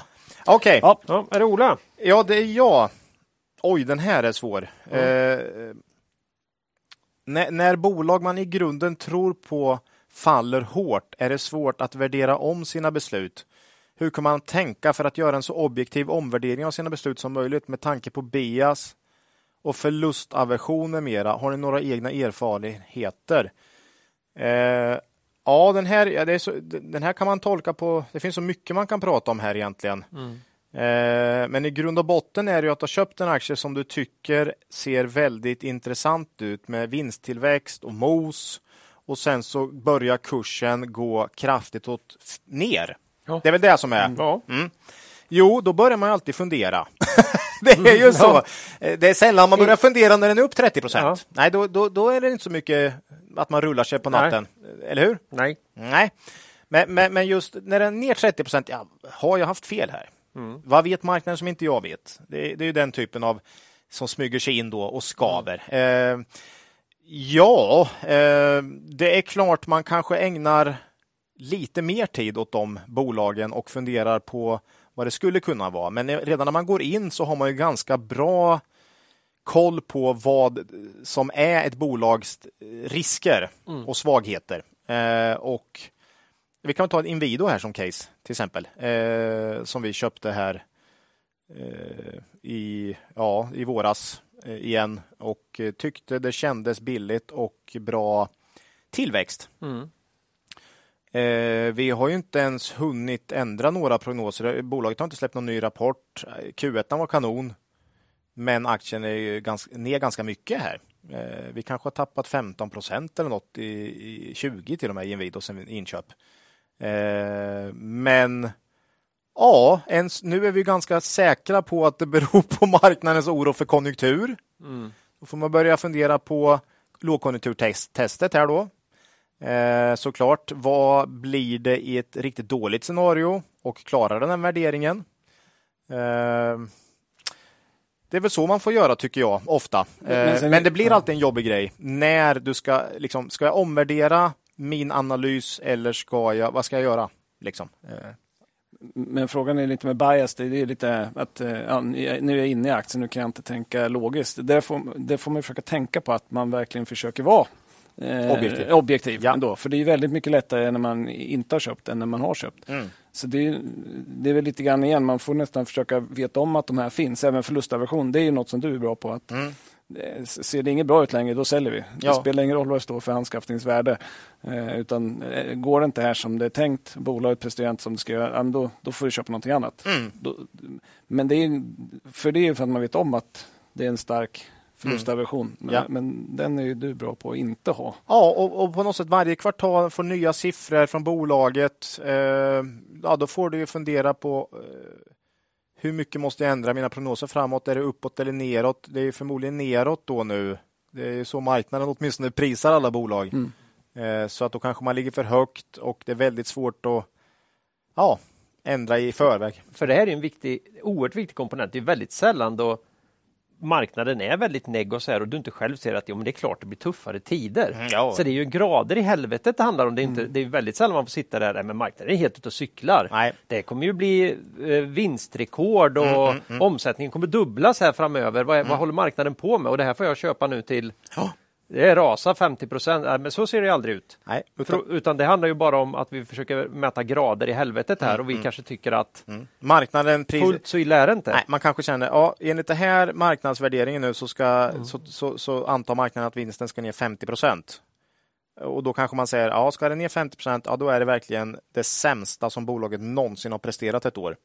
Då kanske man kan säga att jag kan ta den liksom, risken, mm. för det blir inte värre än så. Och marknaden har redan prisat in allt det. Mm. Eh. Och Det är det som är svårt med marknaden. Marknaden ligger ju 69 månader före. Ja. Så det den prisar in är det som ska hända om 69 månader. Mm. När det vänder på botten kommer det inte se jättebra ut Nej. i en normal botten. Nej. Och covid vem visste vad det skulle ta vägen innan börsen hade... Det gick ju så snabbt också. Ja. Men, men, men, ta finanskrisen. Det såg inte bra ut på botten. IT-krisen såg inte bra ut på botten, men börsen vände ändå. Så börsen kommer... vände väl hösten 2008? Ja när det var totalt jäkla mörker alltså. Eh, Mm. Eller hur? Mm. Ja, lite senare tror jag. Men, men, men, ja. det, men, det, är fortfarande så att det ser inte bra ut när det vänder. Och det, men det ser jättebra ut när det vänder neråt. Börsen ligger före, så det är svårt det där. Mm.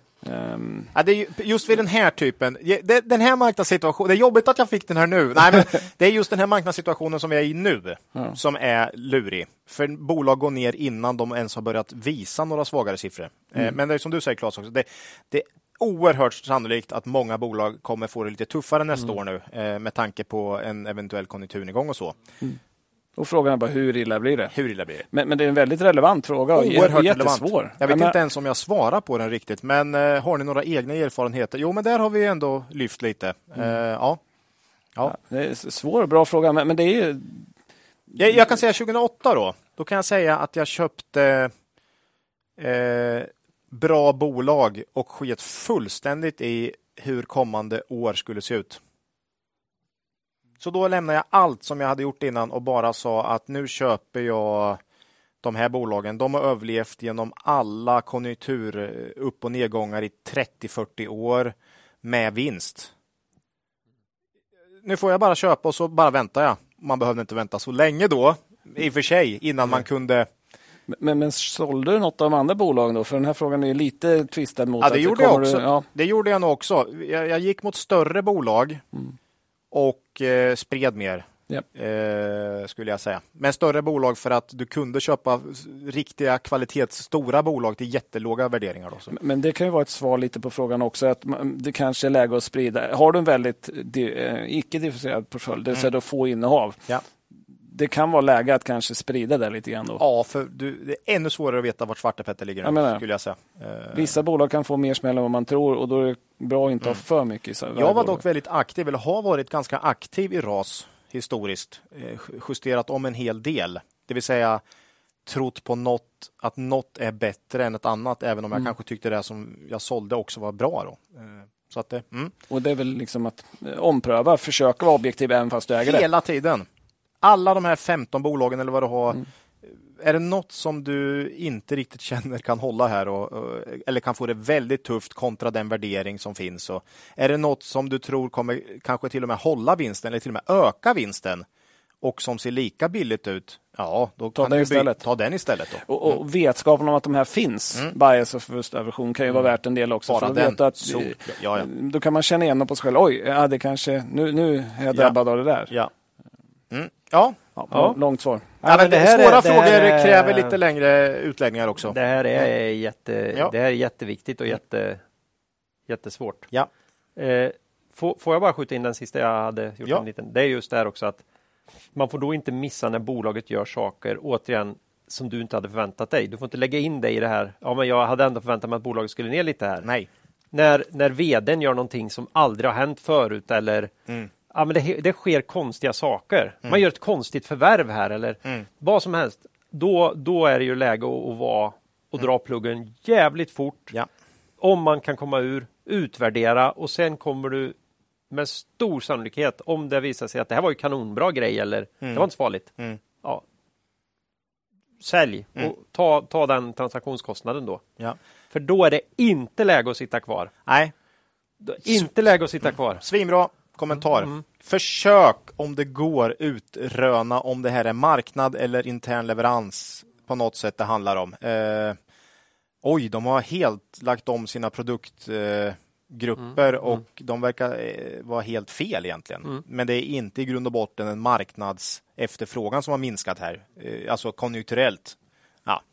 Så, så den är viktig. Mm. Försök utröna om bolaget fortfarande levererar så bra de kan Ja. i, i förhållande till marknadssituationen. Då. Så är det. Eh, nästa har jag. Har ni några, några förhållningssätt till er mos? Alltså är den statisk eller dynamisk? Kan den ändras under tidens gång? Mm-mm. Eh, kursen ändras hela tiden så då hoppar mos upp och ner. Men om vi tar den andra delen i en mos så är det ju vårat Rikt, r- riktvärde, våran Mm. riktkurs Ja. då. På, Motiverade på värde. Mm. Och den rör sig också, men inte lika fort. Absolut inte. Nej. Ofta vid kvartalsrapporter, eller alltid skulle jag säga vid kvartalsrapporter, nästan. Mm. Eh, Eller större händelser. Eller större händelser. Ja. Mm. Eh, Så vi, vi försöker hela tiden bestämma vad som är rätt pris på aktien utifrån någon slags rimlig PE och kommande prognostiserade vinster. Och med tanke på hur lurigt det kan vara just nu så kan det här hoppa ganska mycket Mm. upp och just nu mycket ner då, kan man säga.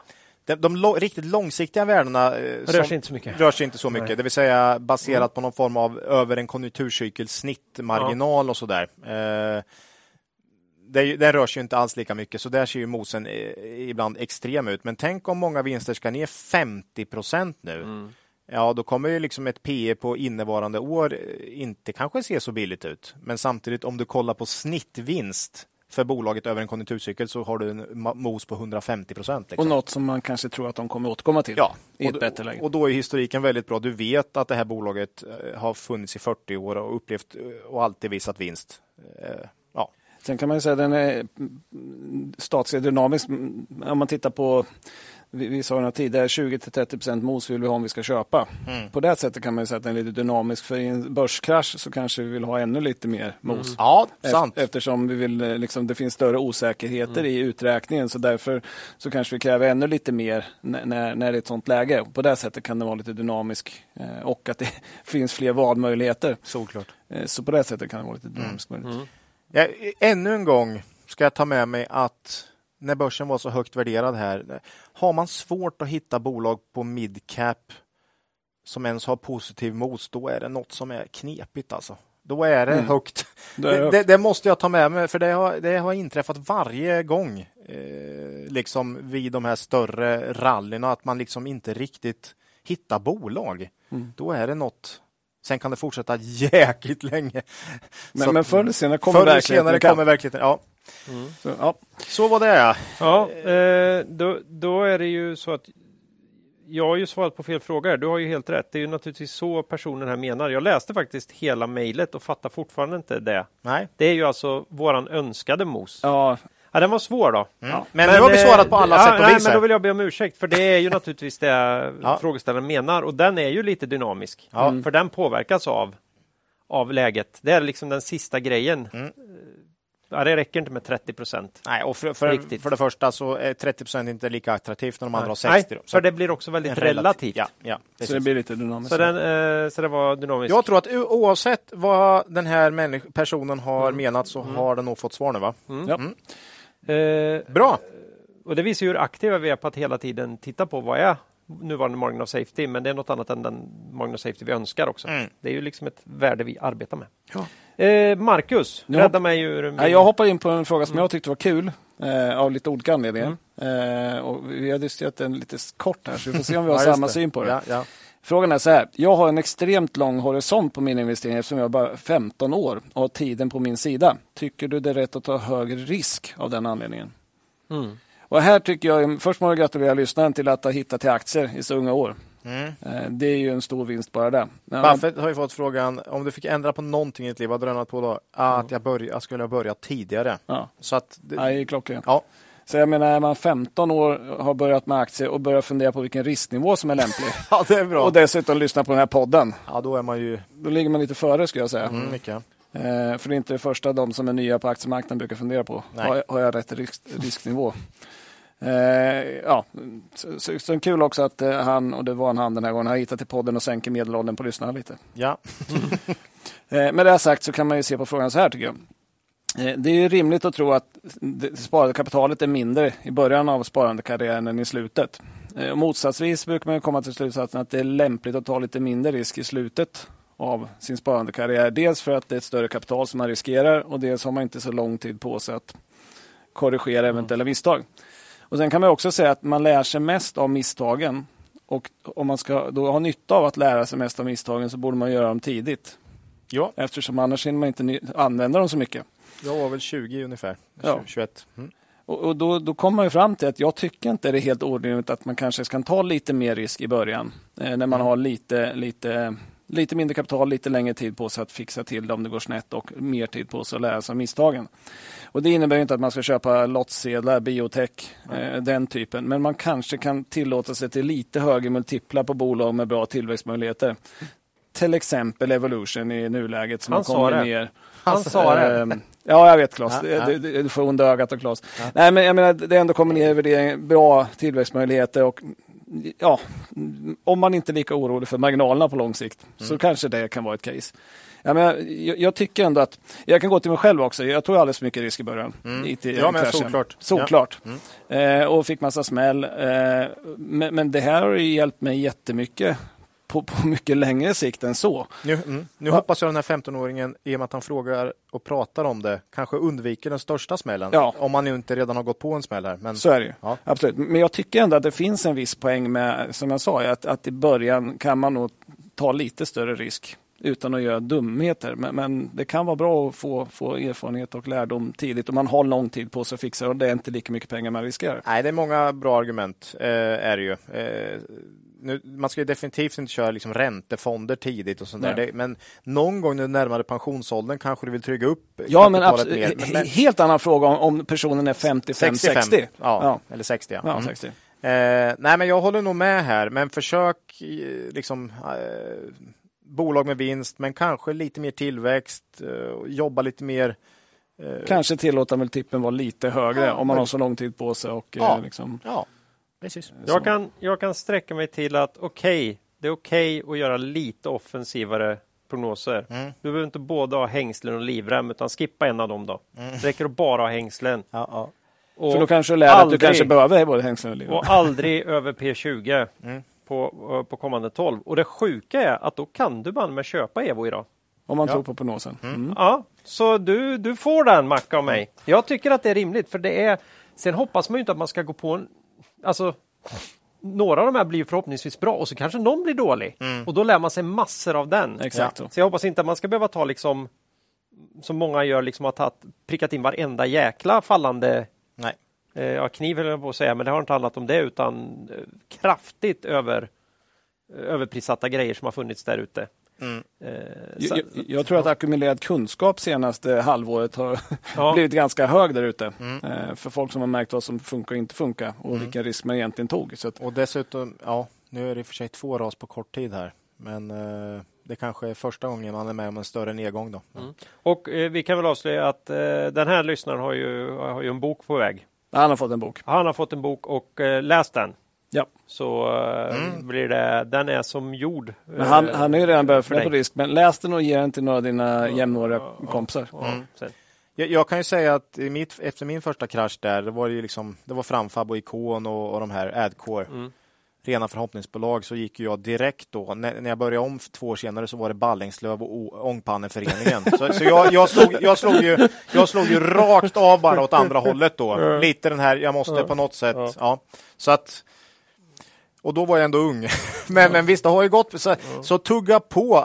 Just ränta på ränta blir ju sjukt viktigt här. Eh, Det kommer ju bli en jätteeffekt om man har en om man sparar klokt eh, över 50 år här. Mm. Herregud. Ja. Shit. Han har möjlighet att bli miljardär här. Det kan Ja, jag lova. Om det han... tror vi. Mm. Jag Det här är roligt. Ja. Eh, lycka till säger vi. ja. Eh, då ska vi se, då är det Ola va? Oj, nu är det jag igen. Oj, den här fanken, vad- får jag de jobbiga hela tiden? Eller? ja. Du märker ett visst tema. Ni har tidigare avsnitt nämnt att ni valt bort aktier där det finns en tillräckligt stor risk för permanent loss of money. Jo, det brukar vi ofta säga ju. Borde det inte finnas motivation att frångå detta om väntevärdet är tillräckligt högt? Givet då såklart att antagandet är rätt så borde detta vara en bra investering, men med en hög varians. Och då ni sprider er investering i många aktier skulle den maximala teoretiska förlusten endast bli ett par procent av er portfölj. Utveckla gärna de- de- detta under sommarens frågeavsnitt. Ja, men vi, om, den, om det är en sak vi avskyr så är det just det här med permanent loss of money, det vill säga att hamna helt off då. Helt fel. Det vill säga du får en total, det, blir, det försvinner bara. Eh, jag tycker ju alltid det här om väntevärdet är tillräckligt högt och det är en väldigt stor varians. Den, redan där slår jag bakut. För då är det så osäkert redan från början. Så att eh, vet jag verkligen att väntevärdet är högt? Jag vet dessutom också att Peter Lynch på en presentation på 90-talet sa just att han hade gjort 40 investeringar där han kände det här har potential att bli en riktig 20-dubblare. Mm. Ingen av dem hade gått bra, sa han. Ingen av de 40 var han plus på. Men de där han tänkte det här kan tugga på med 10% per år, där hade han så många 10-20 gånger pengarna som Dunkin Donuts och, och Taco Bell och de här. liksom. Ja. Så att jag tror att nej, vi väljer bort allt med extremt hög risk. Jag tror inte på att sprida i 20 extrema. Jag tror inte det blir en bättre avkastning än att sätta det i 20 bolag som du ändå tror att har en bra, rimlig chans att spå en hygglig framtid för. Eh, Så att jag väljer bort de här skulle jag säga redan vid osäkerheten där. Ja. Nej, men det är ju, allting avslöjas ju det här om väntevärdet är tillräckligt högt. Mm, jo. Says who? Ja. Hur fan får du fram ett väntevärde? Nej, och framförallt med stor varians. Det blir Ja. väldigt gissa och vi Ja. gillar inte det. Men jag, alltså jag förstår frågan, Mm. men just den här... Ja, att vänta... Ja. Vari, och stor varians, då är det ju lika, då kan man ju med ganska stor sannolikhet vara noll. Liksom. Om många tror att väntevärdet är högt så kommer förmodligen priset vara därefter också. Ja, eh, nej, vi, vi säger nej där eh, faktiskt. Eh, men jag förstår frågan. Ja. Mm. För det finns ju inget fundamentalt inslag här. Nej, det är ju Det, det. finns Man ju tappar lite fundament. på. Det finns ingenting att...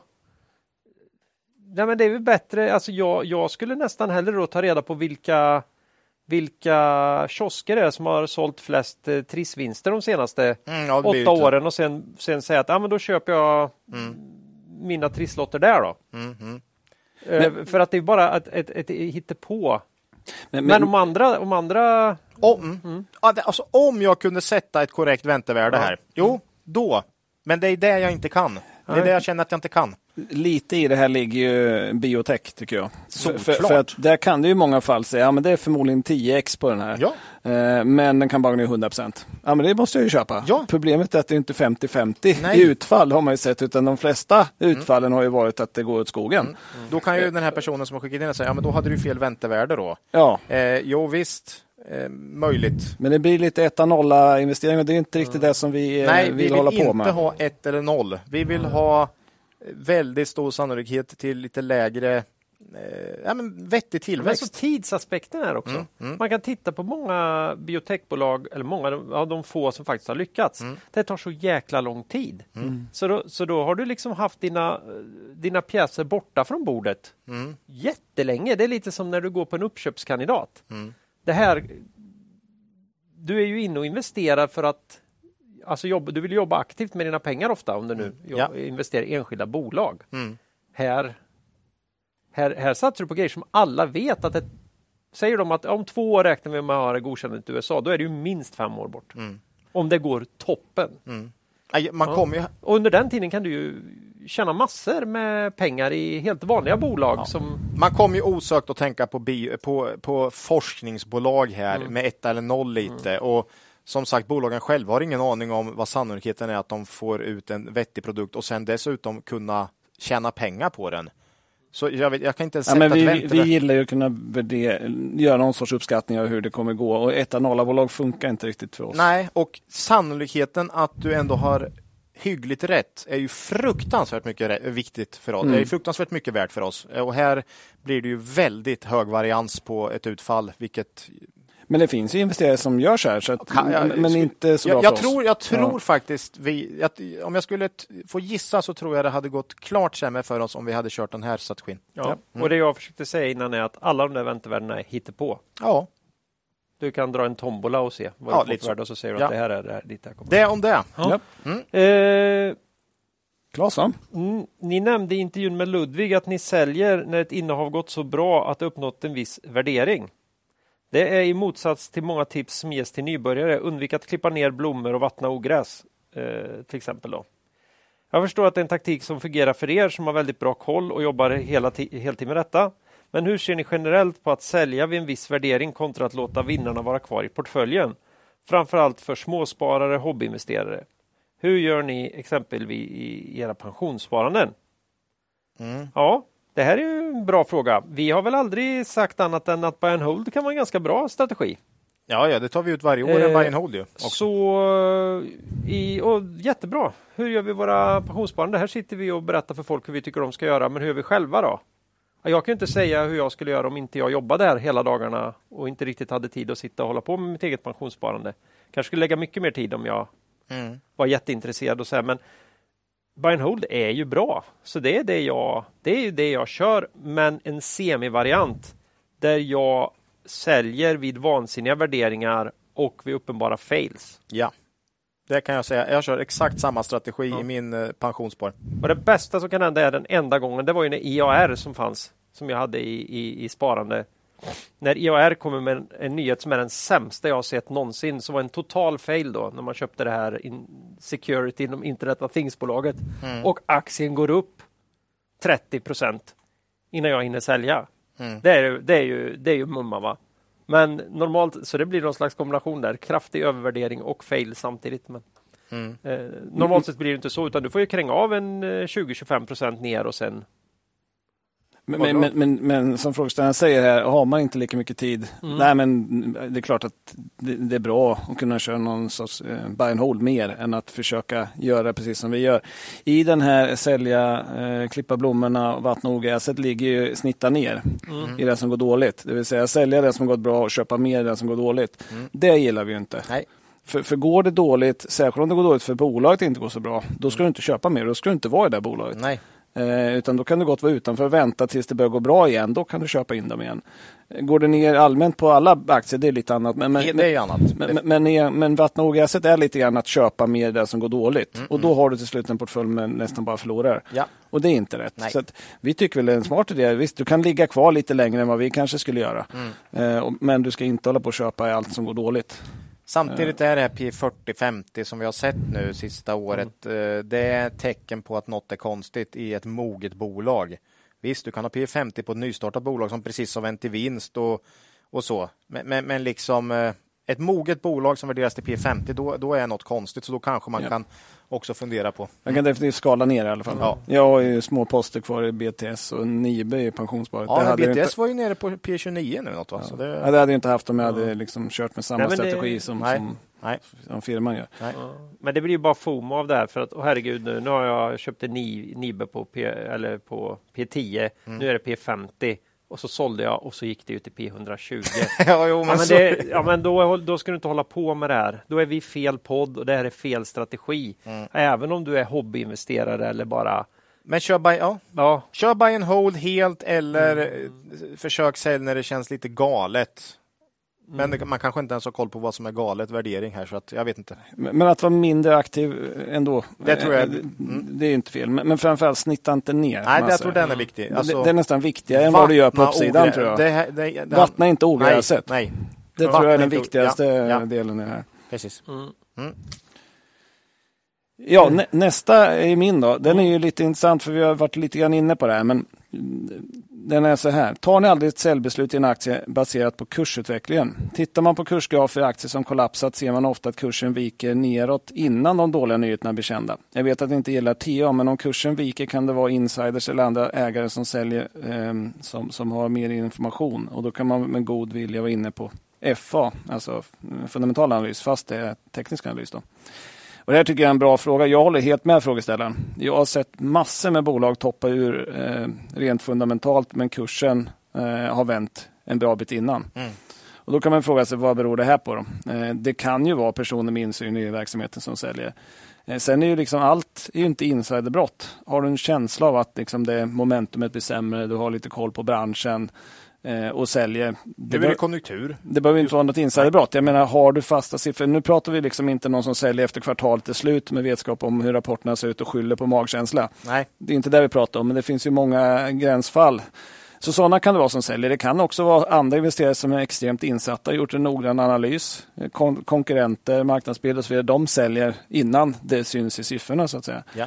Och då är ju frågan, ska man då bry sig om att det faller för att det kanske finns sådana effekter, eh, vilket man då ser på TA. Um, och det här är svårt tycker jag. Mm. Dels får man ju börja med att skilja på varför det faller. Faller hela marknaden eller bara min aktie? Mm. Faller hela marknaden som vi har nu, då är det inte lika Sannolikt. oroande nej, att nej. det är just min aktie som det är något galet med. Nej. För det kan vara alla. Men faller bara min aktie, mm. då får man ju verkligen börja fundera på vad, vad är det vi har missat, varför faller det? Ja.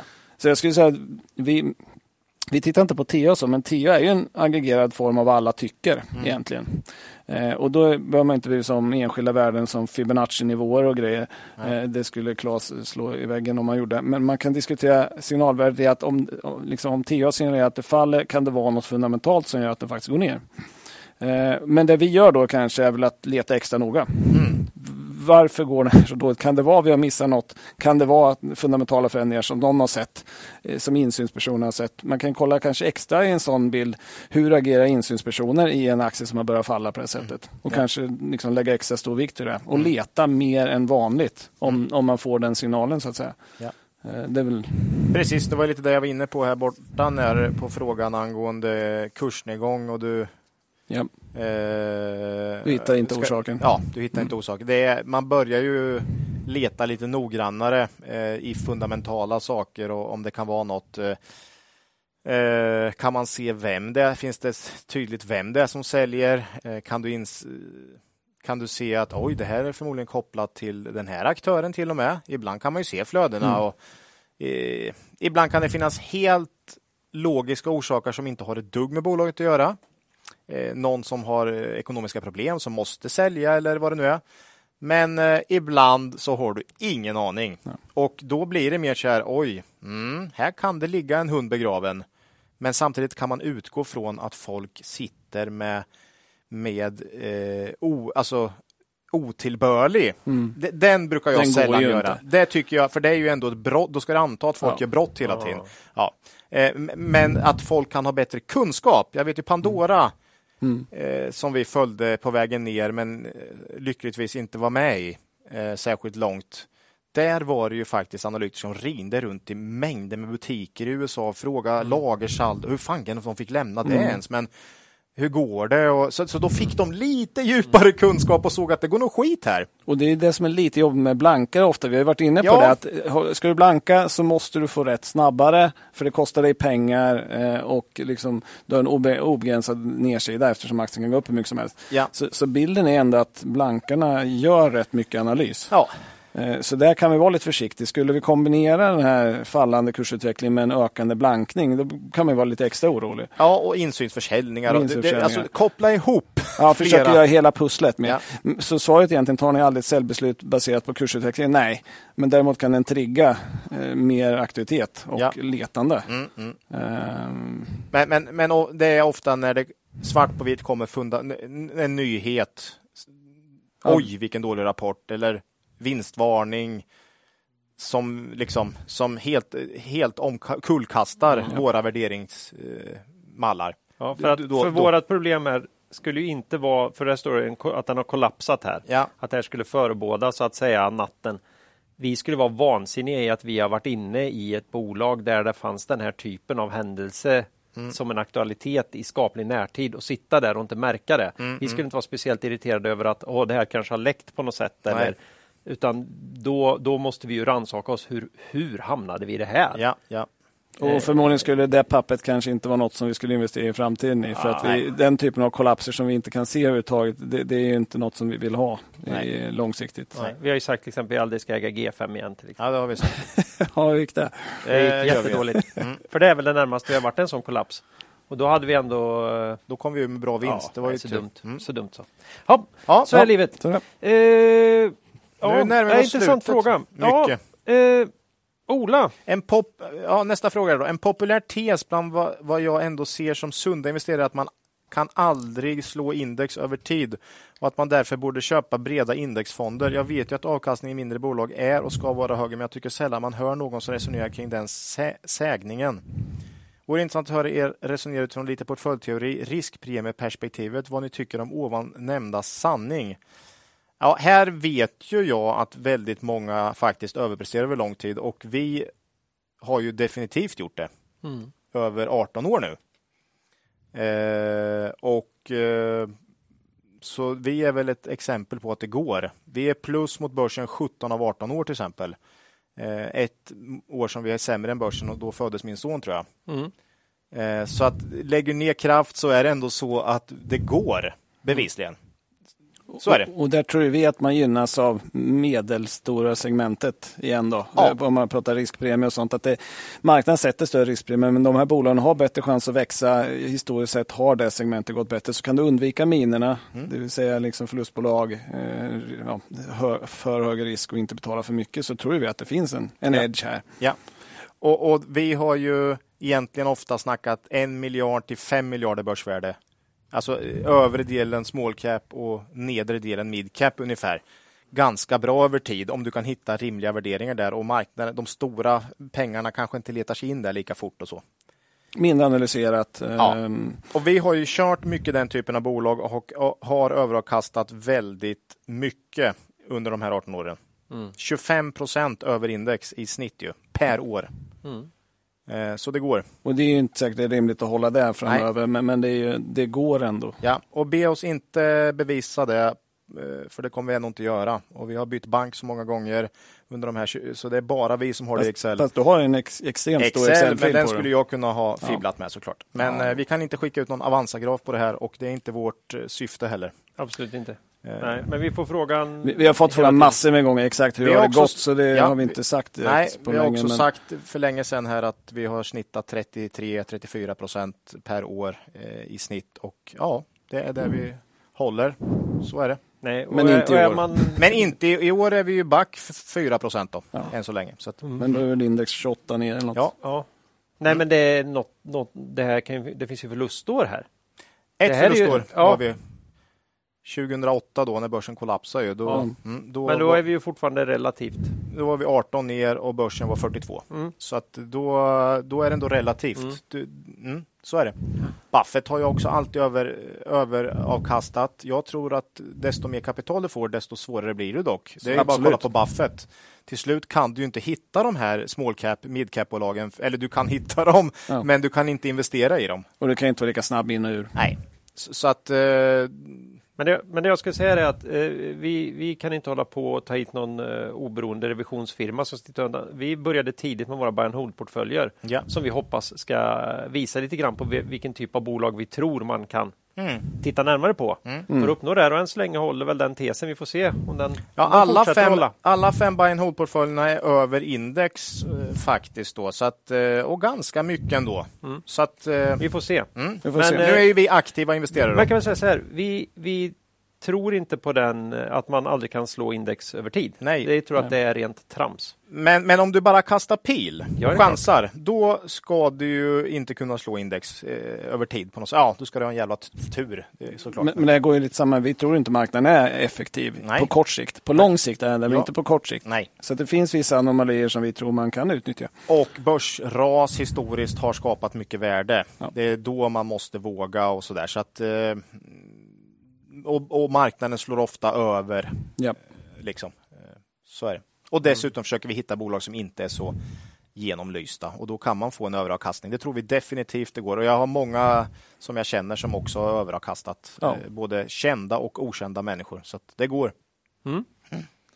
Eh, det var inte så mycket ur portföljteori riskpremieperspektiv. Jag tänkte Ja, säga något om portfölj. Nej, men jag ville Ja, säga något om ja. portföljteori här och Mm. det är ju det liksom. Det dyker upp sådana grejer som focus investing och sånt här. Mm. Det är ju grejer som bara eh, funkar ö- över, några väldigt, över några år. Då funkar det riktigt bra och sen några tar väl sig, hoppar av.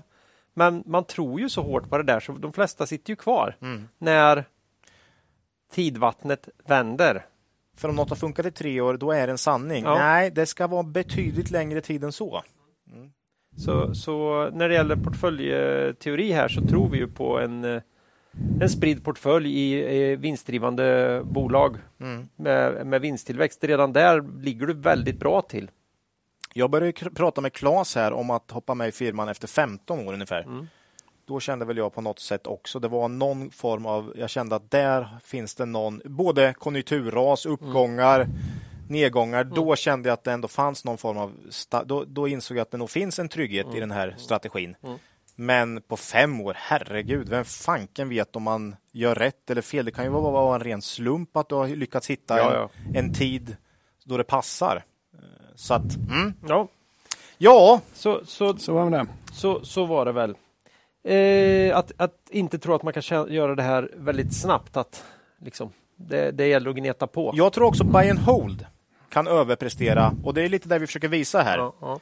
Eh, du behöver inte vara aktiv, du kan överprestera även med buy and hold i Mm. bra bolag. Bara att ta bort allt skit tror jag du tjänar jäkligt mycket på faktiskt. Så att jag tror du kan överprestera. Vi kanske har sagt 10-15 procent per år istället för 8 eller något. Mm. 15 till och med, eh, om du bara har kvalitetsbolag. Och...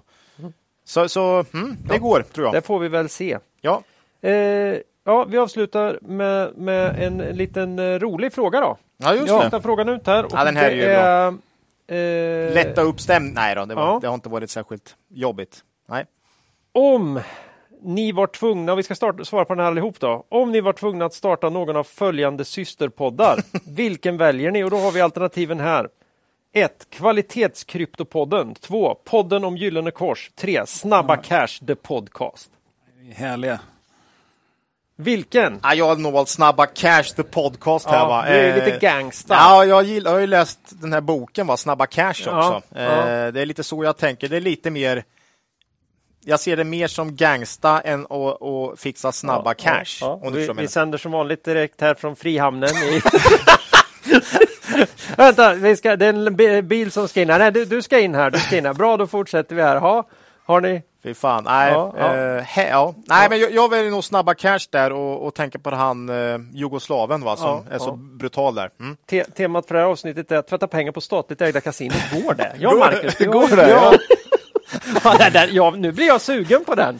Hur hälar du ett stöldgods från eh, Elgiganten på bästa sätt? Ja. Ja, ja. Jag vet inte om jag vågar säga det, men jag har ju varit på kasinot och spelat lite poker och så. Aj, aj, aj, aj. Inte på de högsta borden, men då har man ju sett de högsta borden och det sitter ju en del personer där med väldigt stora sedelbuntar som, som ser eh, högst eh, suspekta ut ur perspektivet. Ja. Hur mycket de lassar upp på bordet och ja, man, man kan fundera i alla fall på exakt hur Vad det går till. är- Så, Ja. säga.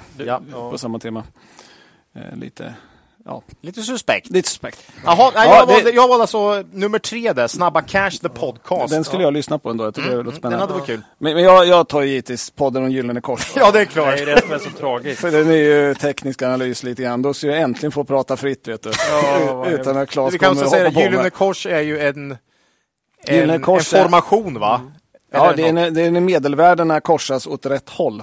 Du har ju dödskorset också. Ja, just det. Dödskorset. Ja. Dödskorset är ju när eh, 200 skär igenom 50, tror jag, eller om det är 50 genom 200, jag kommer inte ihåg. Ja, men eh, det är 50 och 200 i alla fall. De skär igenom varann och det visar att trenden har vänt. Då blir det dödskors på nedsidan och så blir det gyllene kors på uppsidan. Här har ju Kavastu järnkoll, det hör jag ju. Han köper ju 200 bara sånt som är positiv Eh, trend. Kanon. Då går det ju så bra sen Okej, också. Så- Macke så jag kör, podden om Gyllene Kors. Claes då, kan du vara så fin så att du tar... Ja, jag skulle ju faktiskt göra kvalitetskryptopodden. Du gör det? Ja, men för jag har hört att det finns ju såna här stable coins. Ja, det Så låter det ju- låter ju ändå tryggt och så. Ja, det är ju stabilt. Så det, det skulle jag kunna tänka mig att prata Kan, om. kan det vara kvalitet? Det, Det är måste kva- det väl vara? det är ju det kvalitetskrypto, det hörs ju. Stable Coin. coin. Det är ett stabilt jäkla coin. Det är väl som en kron. kron. Nej, den är ju inte så stabil. Men det kanske är som en dollar då eller någonting, tänker jag. Ja, vad- vad kan man vad kan skulle kanske kunna koppla det till dollar. Nej, det här, det jag Ingen kan gå fel. Det är, vad skulle kunna gå fel då? Nej, men så jag skulle köra kvalitetskryptopodden. Jaha, då har vi alltså tre nya poddar. Tre nya poddidéer här. Ja, Ja. vi får se om det, om det blir så. Fy fan. Jag skulle bjuda hit han eh, som alltid spelar Jugos... Är det inte han som... Nej, det Ja. är inte han som spelar i den. Jo, men Nej, han spelar alltid den här Ja, eh, jag vet. våldsamme Ni vet vem jag menar. Ja, ja. Ja, Men han har ju någon bakgrund som gangster också. så- ja, ja, ja, visst, visst. Ja. Så Han skulle få vara med i första avsnittet. Det är ju jättebra att inte jag kan komma på vad han heter då. Ja, Nej. så är livet. Det var, Det var frågorna. det var frågorna och det var egentligen hela det specialavsnittet. Eh, nästa avsnitt eh, blir ju 123 då och kommer ut torsdagen 18 augusti. Men förhoppningsvis lite färska bolagsrapporter. Ja. Det blir spännande. kanske Det blir lite, lite, tänk- lite färskare inspelningsdatum i förhållande till releasedatum också. Då. Tänk om man kunde forwarda dit och, och få titta lite. titta Ja, på vad vi har att säga då. Ja, ja, ja, ja. Ja. Mm. Man kan mejla oss på kontaktet eh, kvalitetsaktiepodden.se eller kommentera på Twitter. Eller ge sig in på vår hemsida kvalitetsaktiepodden.se och kommentera där. Eh, Om man har några frågor man vill att vi ska ta upp eller tips om något kvalitetsbolag vi kan ha, vi kan ha missat. Det kan man säga när ni skickar in och vill att vi ska ta upp bolag. Har jag börjat med att skicka tillbaka, ja, men ge, ge oss din bästa pitch. Så att inte vi ska göra allt jobb utan Nej. skicka in varför, Varför? ni tycker att det är så intressant så kan vi också titta på varför, Ja. om vi tycker samma. Så kan det vara. Mm. Eh, innan vi skiljs åt då vill vi bara påminna om eh, den fina möjligheten som finns att månadsspara i Cavaliers fonder. Det kan man enkelt göra både via Nordnet och Avanza och eh, förhoppningsvis även sitt pensionsspar. Det kan man kolla upp. Då ska man komma ihåg att historisk avkastning i fonder inte behöver vara en indikator på framtida eh, avkastning.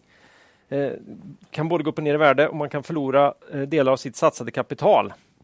Så är det. Så är det. Det är jobbigt, men så kan det vara. Mm. Eh, ja, då vill vi tacka alla för att ni har lyssnat på det här och ber er komma ihåg att Det är först när tidvattnet drar sig tillbaka som du får se vem som badat naken. Lose money for the firm, and I will be understanding. lose a shred of reputation for the firm, and I will be ruthless. I welcome your questions.